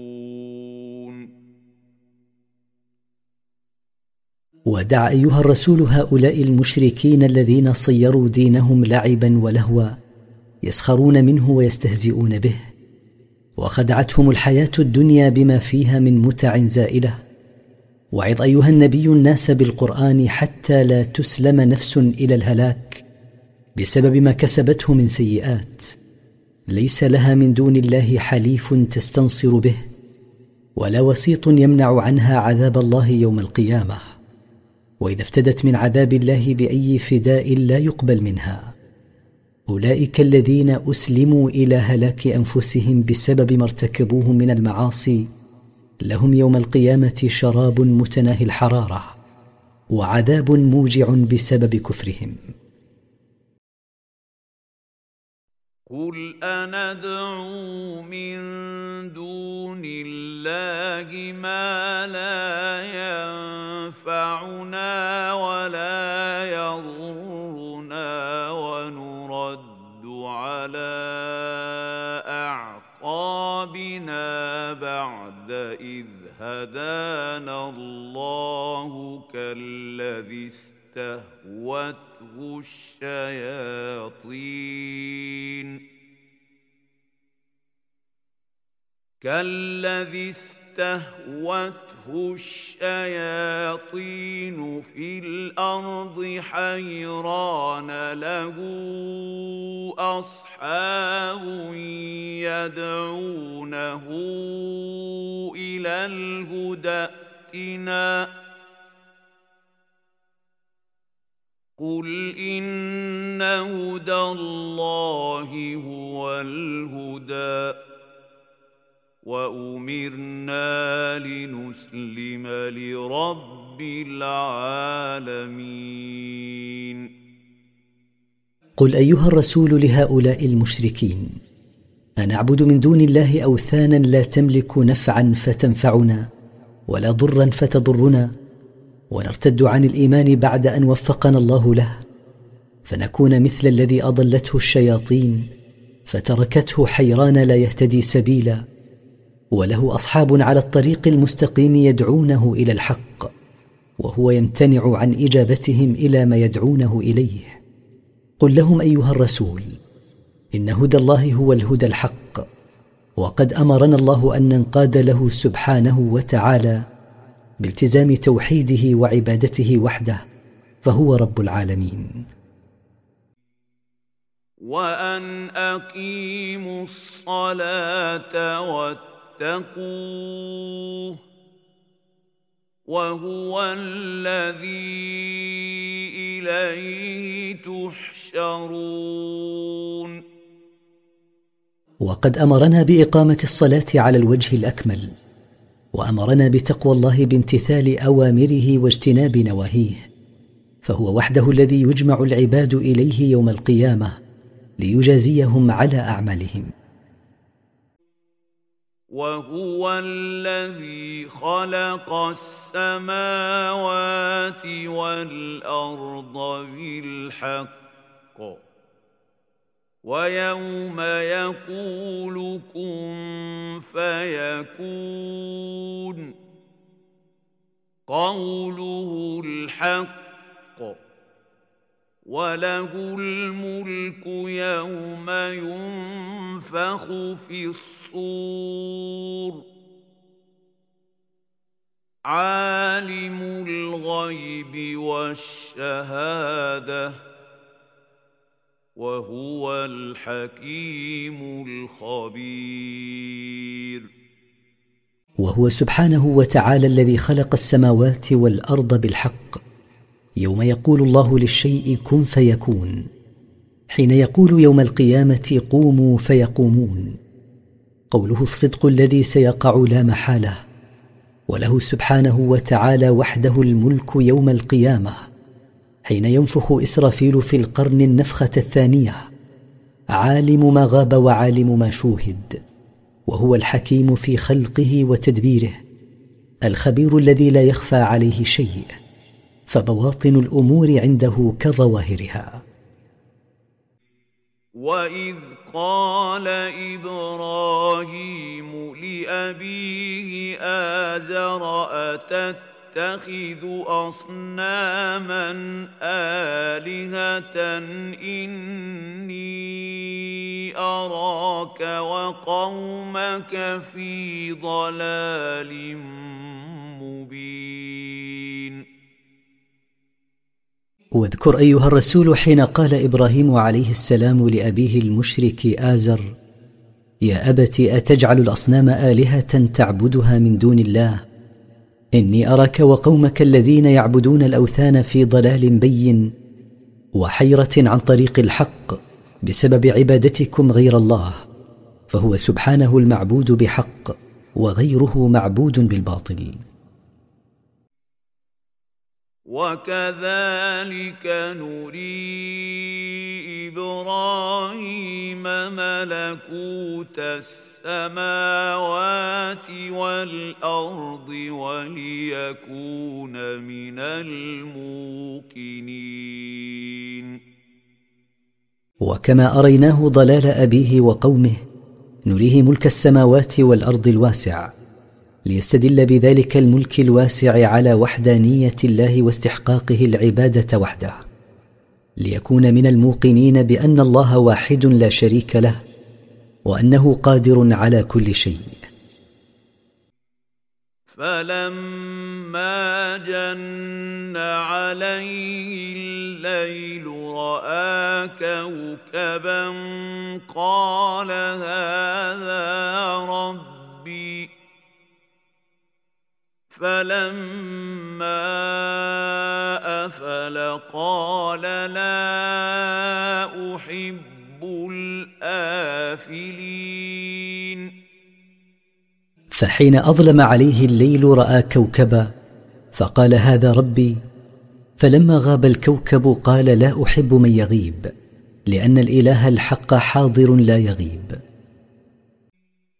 فلما رأى القمر بازغا قال هذا ربي. فلما أفل قال لئن لم يهدني ربي لأكونن من القوم الضالين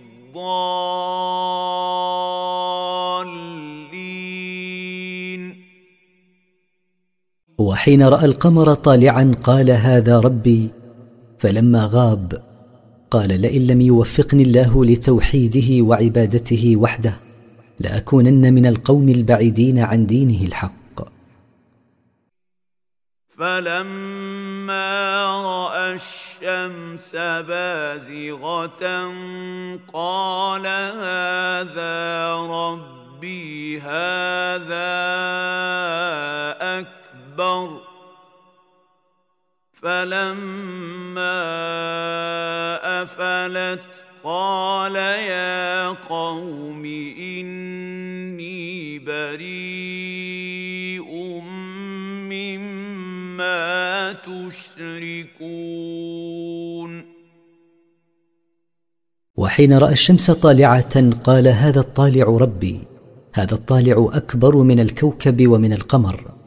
فلما غابت قال يا قوم إني بريء مما تشركون مع الله ولما تبرأ مما يعبدون من دون الله كأنهم سألوه ما تعبد إذن. فقال وجهت وجهي للذي فطر السماوات والأرض حنيفا وما أنا من المشركين. إني أخلصت ديني للذي خلق السماوات والأرض على غير مثال سابق مائلا عن الشرك إلى التوحيد الخالص. ولست من المشركين الذين يعبدون معه غيره. وحاجه قومه. قال أتحاجوني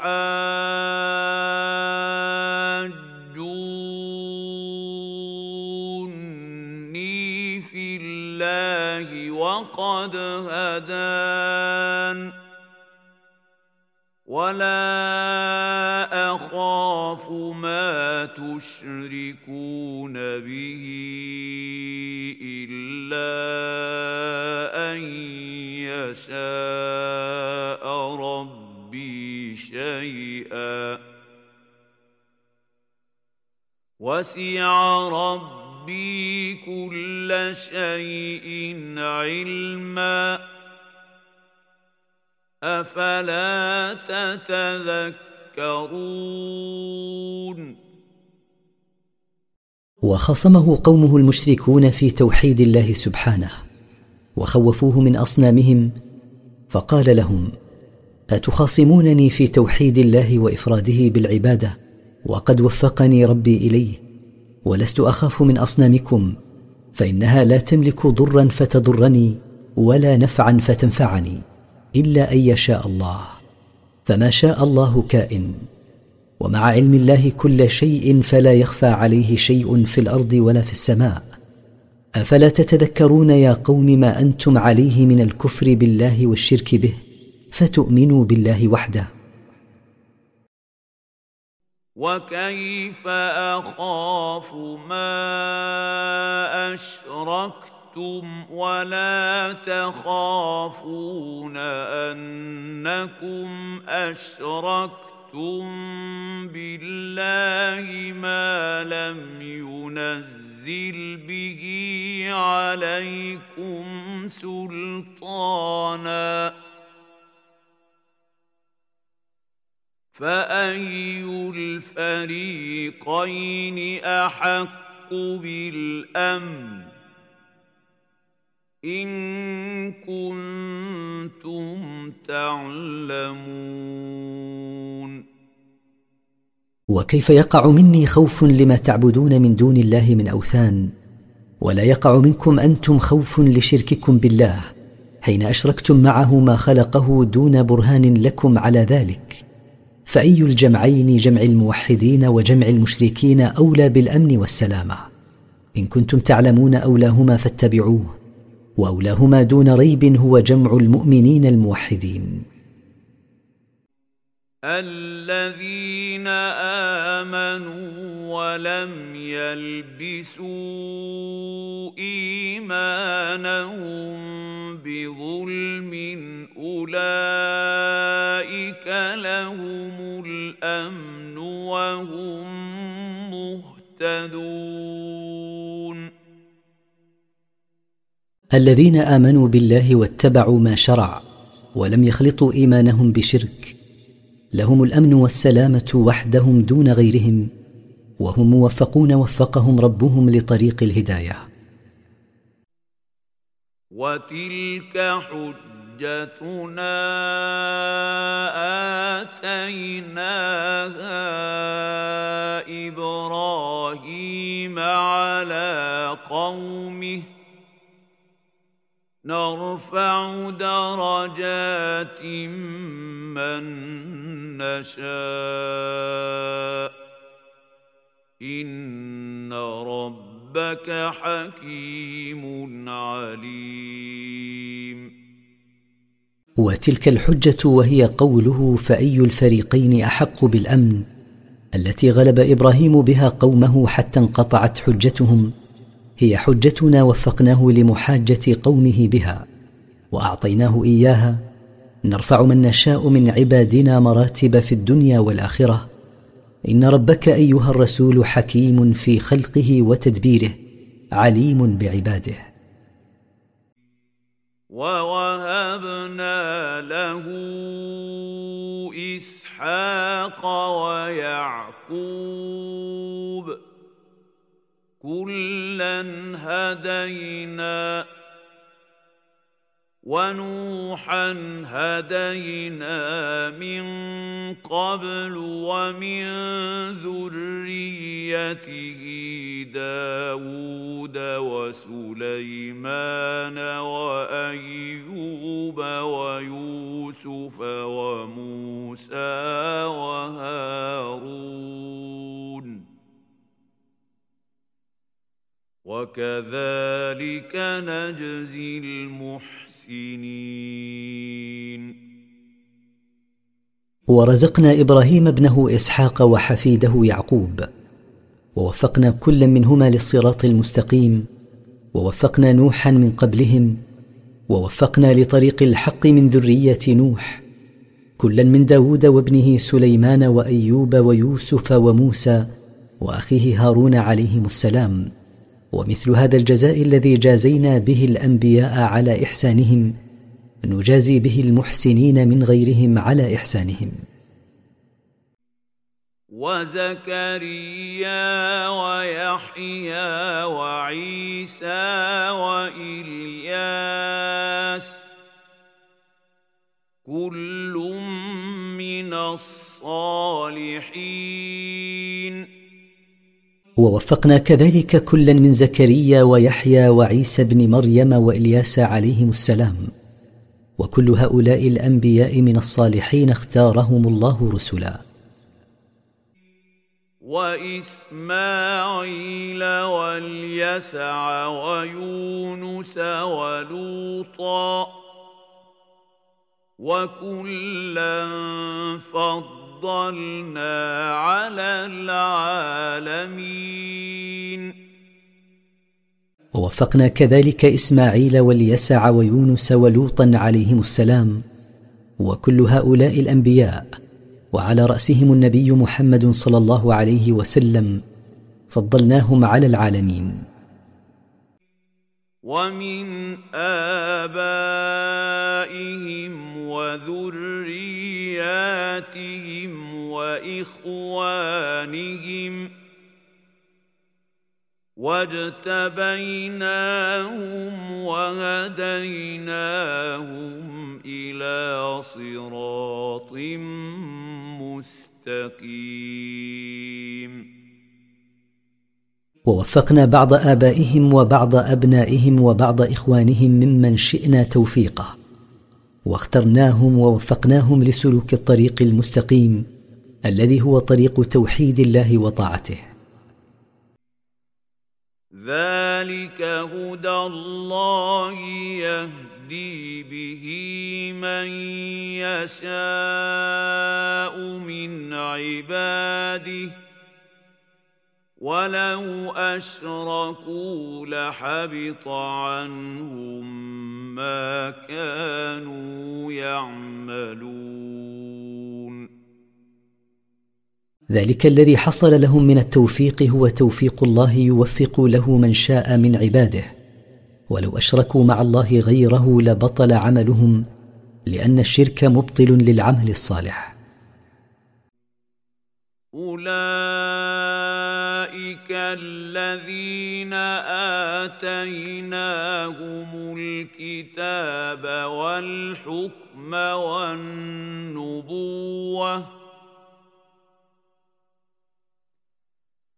فإن يكفر بها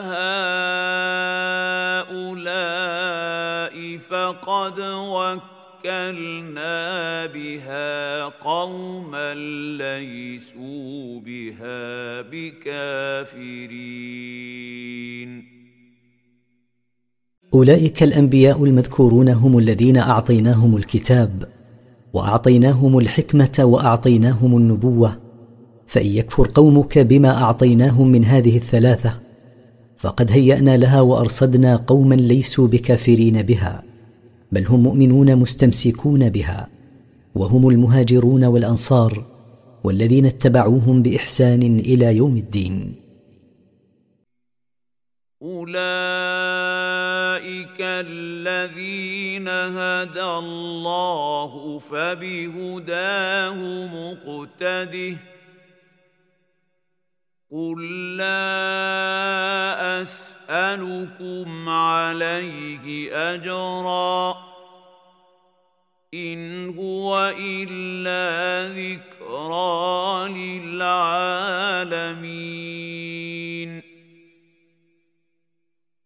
اولئك الانبياء ومن ذكر معهم من ابائهم وابنائهم واخوانهم هم أهل الهدايه حقا فاتبعهم وتاس بهم وقل أيها الرسول لقومك لا أطلب منكم على إبلاغ هذا القرآن جزاء. فالقرآن ليس إلا موعظة للعالمين من الإنس والجن ليسترشدوا به إلى الصراط المستقيم والطريق الصحيح. وما قدروا الله حق قدره اذ قالوا ما أنزل الله على بشر من شيء قل من انزل الكتاب الذي جاء به موسى نورا وهدى للناس تجعلونه قراطيس تبدونها وتخفون يخفون كثيرا. وعلمتم ما لم تعلموا أنتم ولا آباؤكم. قل الله ثم ذرهم في خوضهم يلعبون وما عظم المشركون الله حق تعظيمه حين قالوا لنبيه محمد صلى الله عليه وسلم ما انزل الله على بشر شيئا من الوحي. قل لهم ايها الرسول من الذي انزل التوراه على موسى نورا وهدايه وارشادا لقومه؟ يجعلها اليهود في دفاتر يظهرون منها ما يوافق أهواءهم ويكتمون ما يخالفها كصفة محمد صلى الله عليه وسلم. وعلمتم أنتم أيها العرب من القرآن ما لم تعلموا أنتم ولا أسلافكم من قبل. قل لهم أيها الرسول أنزلها الله. ثم اتركهم في جهلهم وضلالهم يستهزئون ويسخرون حتى يأتيهم اليقين. وهذا كتاب أنزلناه مبارك مصدق الذي بين يديه ولتنذر أم القرى ومن حولها والذين يؤمنون بالاخره يؤمنون به وهم على صلاتهم يحافظون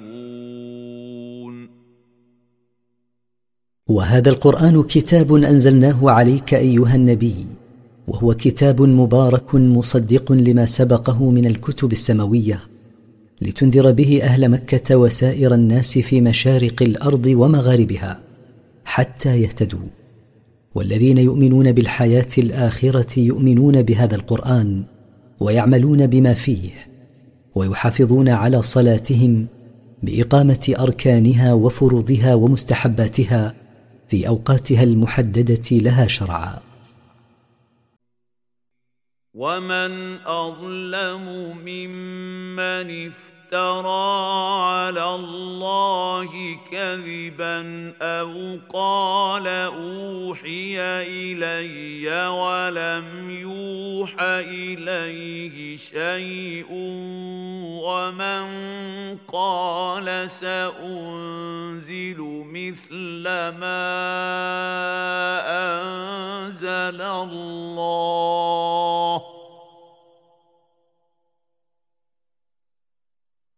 ولو ترى إذ الظالمون في غمرات الموت والملائكة باسطوا أيديهم أخرجوا أنفسكم ۖ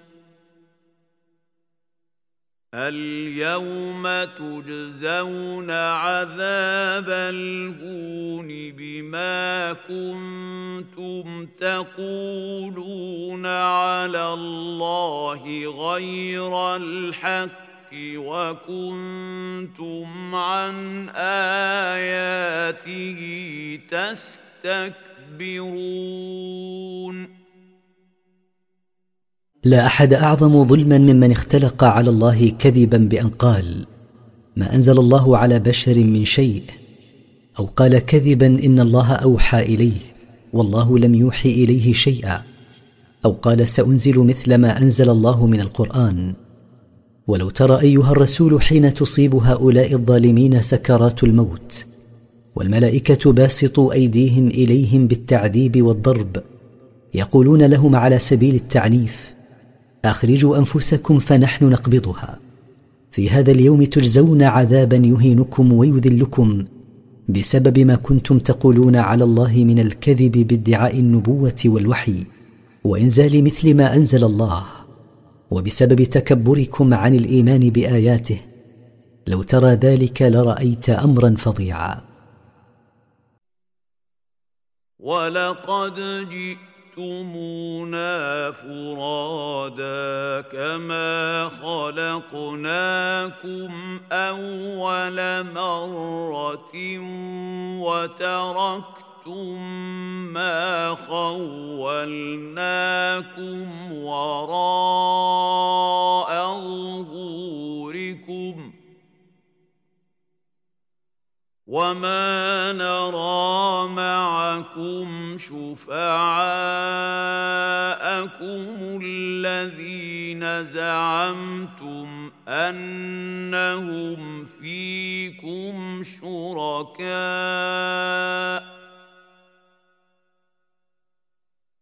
لقد تقطع بينكم وضل عنكم ما كنتم تزعمون. ويقال لهم يوم البعث ولقد أتيتمونا في هذا اليوم أفرادا لا مال معكم ولا رئاسة كما أنشأناكم أول مرة حفاة عراة غرلا وتركتم ما أعطيناكم من ذلك خلفكم في الدنيا رغما عنكم وما نرى اليوم معكم آلهتكم الذين زعمتم أنهم وسطاء لكم. وزعمتم أنهم شركاء لله في استحقاق العبادة. لقد تقطع الوصال بينكم وذهب عنكم ما كنتم تزعمون من شفاعتهم وأنهم شركاء لله. إن الله فالق الحب والنوى يخرج الحي من الميت ومخرج الميت من الحي. ذلكم الله. فأنا تؤفكون. إن الله وحده هو الذي يشق الحب فيخرج منه الزروع. ويشق النوى فيخرج منه النخل. يخرج الحي من الميت.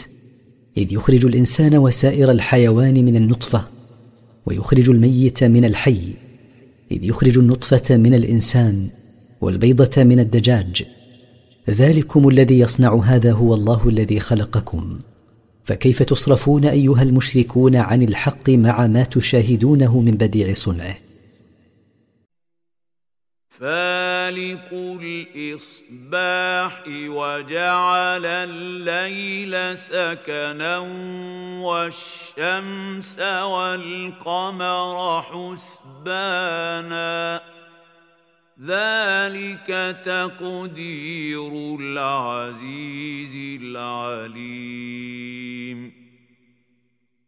وهو سبحانه وتعالى الذي يشق ضوء الصباح من ظلمة الليل وهو الذي جعل الليل سكنا للناس يسكنون فيه عن الحركة لطلب المعاش ليستريحوا من تعبهم في طلبه في النهار.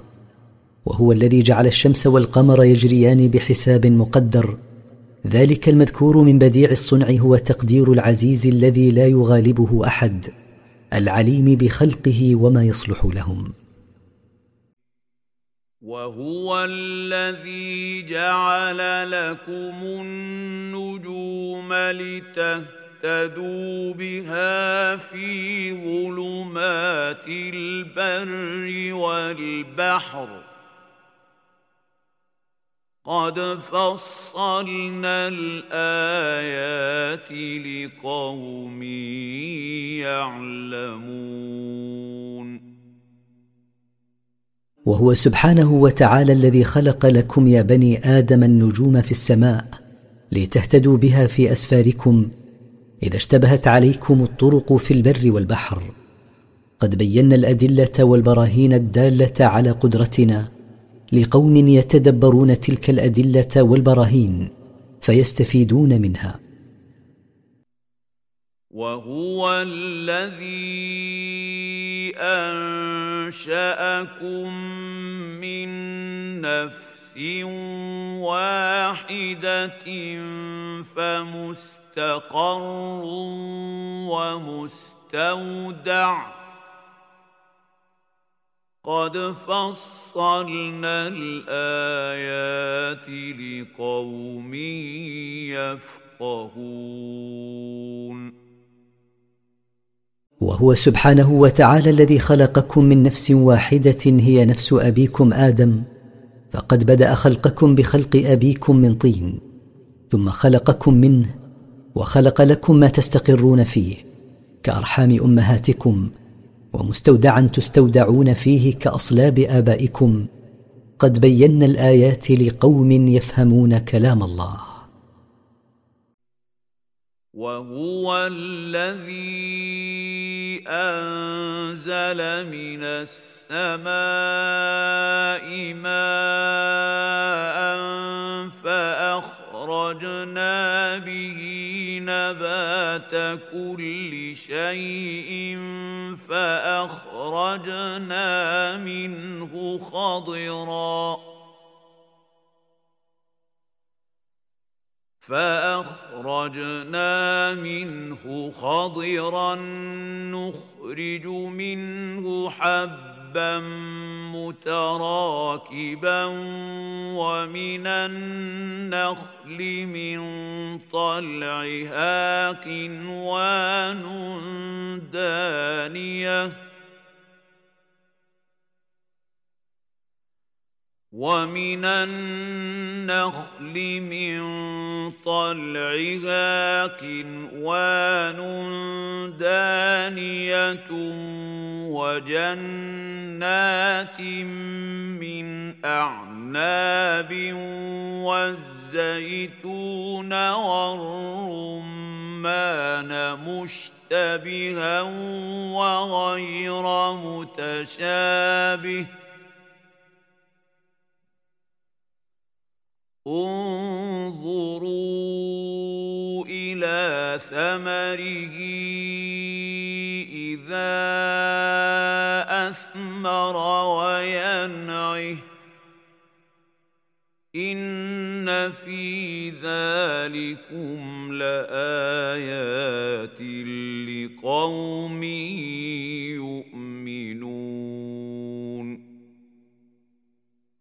وهو سبحانه وتعالى الذي أنزل من السماء ماء هو ماء المطر فأنبتنا به كل صنف من أصناف النبات فأخرجنا من النبات زرعا وشجرا أخضر نخرج منه حبا يركب بعضه بعضا كما يقع في السنابل ومن طلع النخل تخرج عذوقه قريبة ينالها القائم والقاعد وأخرجنا بساتين من العنب وأخرجنا الزيتون والرمان متماثلا ورقهما. مختلفا ثمرهما.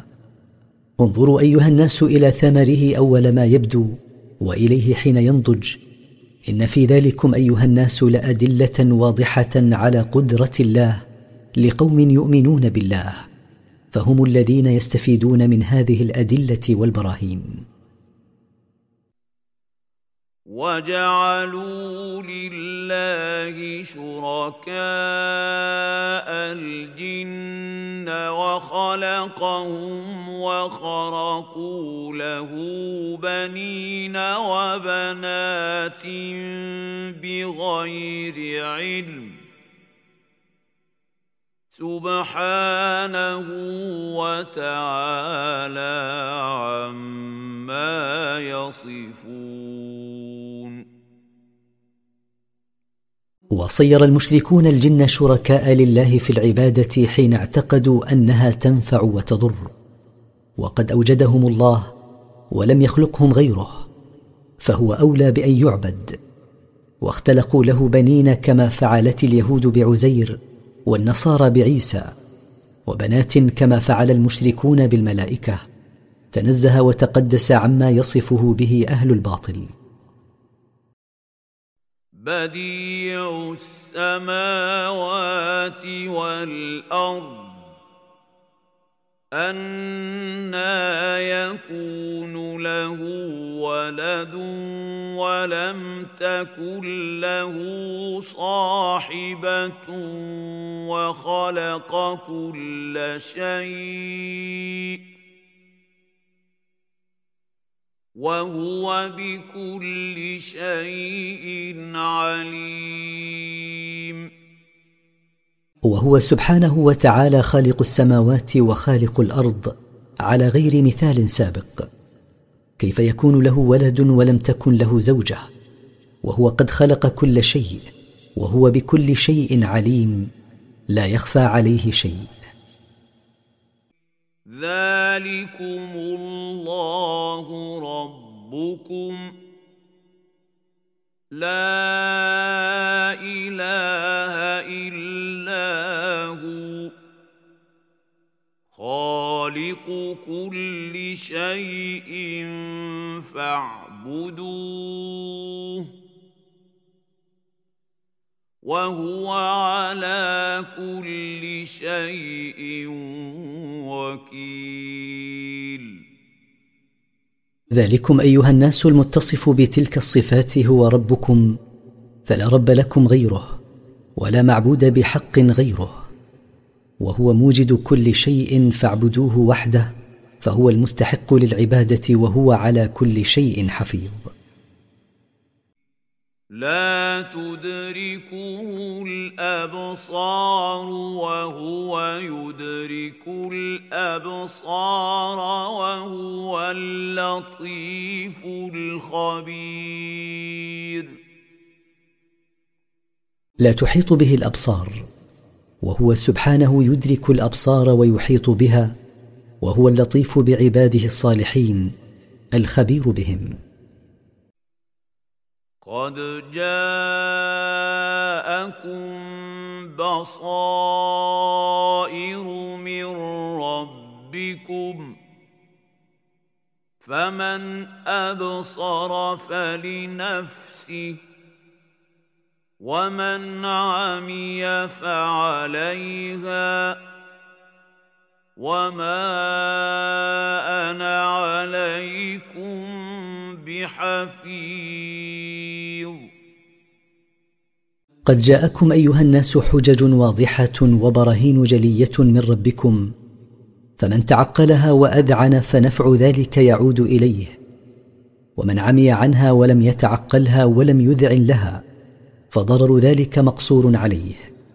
ولست عليكم رقيبا أحصي أعمالكم إنما أنا رسول من ربي وهو الرقيب عليكم. وكذلك نصرف الآيات وليقولوا درست ولنبينه لقوم يعلمون. وكما نوعنا الأدلة والبراهين على قدرة الله ننوع الآيات في الوعد والوعيد والوعظ وسيقول المشركون ليس هذا وحيا وإنما درسته عن أهل الكتاب من قبلك ولنبين الحق للناس بتنويعنا لهذه الآيات للمؤمنين من أمة محمد صلى الله عليه وسلم فهم الذين يقبلون الحق ويتبعونه.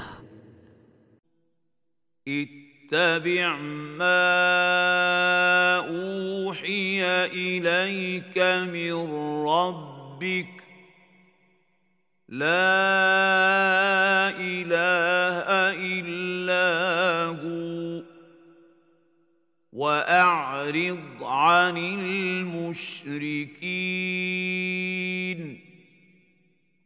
اتبع أيها الرسول ما يوحيه إليك ربك من الحق فهو سبحانه لا معبود بحق غيره. ولا تشغل قلبك بالكافرين وعنادهم فأمرهم إلى الله. ولو شاء الله ما اشركوا وما جعلناك عليهم حفيظا وما انت عليهم بوكيل ولو شاء الله ألا يشركوا به أحدا ما أشركوا به أحدا. وما جعلناك أيها الرسول رقيبا تحصي عليهم أعمالهم ولست عليهم بقيم إنما أنت رسول وما عليك إلا البلاغ. ولا تسبوا الذين يدعون من دون الله فيسبوا الله عدوا بغير علم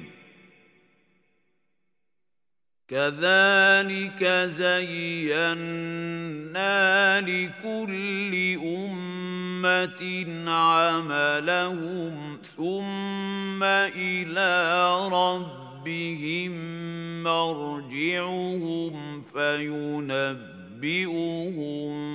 بما كانوا يعملون ولا تسبوا ايها المؤمنون الاصنام التي يعبدها المشركون مع الله وان كانت احقر شيء واولاه بالسب حتى لا يسب المشركون الله تطاولا عليه وجهلا بما يليق به سبحانه وكما زين لهؤلاء ما هم عليه من الضلال زينا لكل أمة عملهم خيرا كان أو شرا. فأتوا ما زينا لهم منه ثم إلى ربهم مرجعهم يوم القيامة فيخبرهم بما كانوا يعملون في الدنيا ويجازيهم عليه. وأقسموا بالله جهد أيمانهم لئن جاءتهم آية ليؤمنن بها. قل إنما الآيات عند الله. وما يشعركم أنها إذا جاءت لا يؤمنون. وأقسم المشركون بالله أشد أيمانهم التي يقدرون عليها. لئن جاءهم محمد بآية من الآيات التي اقترحوها ليؤمنن بها.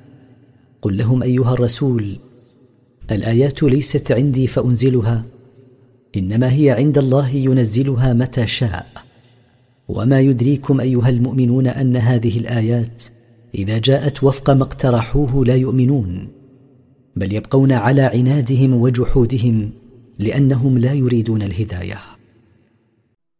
ونقلب أفئدتهم وأبصارهم كما لم يؤمنوا به أول مرة. ونذرهم في طغيانهم يعمهون. ونقلب أفئدتهم وأبصارهم بالحيلولة بينها وبين الاهتداء للحق. كما حلنا بينهم وبين الإيمان بالقرآن أول مرة بسبب عنادهم ونتركهم في ضلالهم وتمردهم على ربهم حيارى يتخبطون.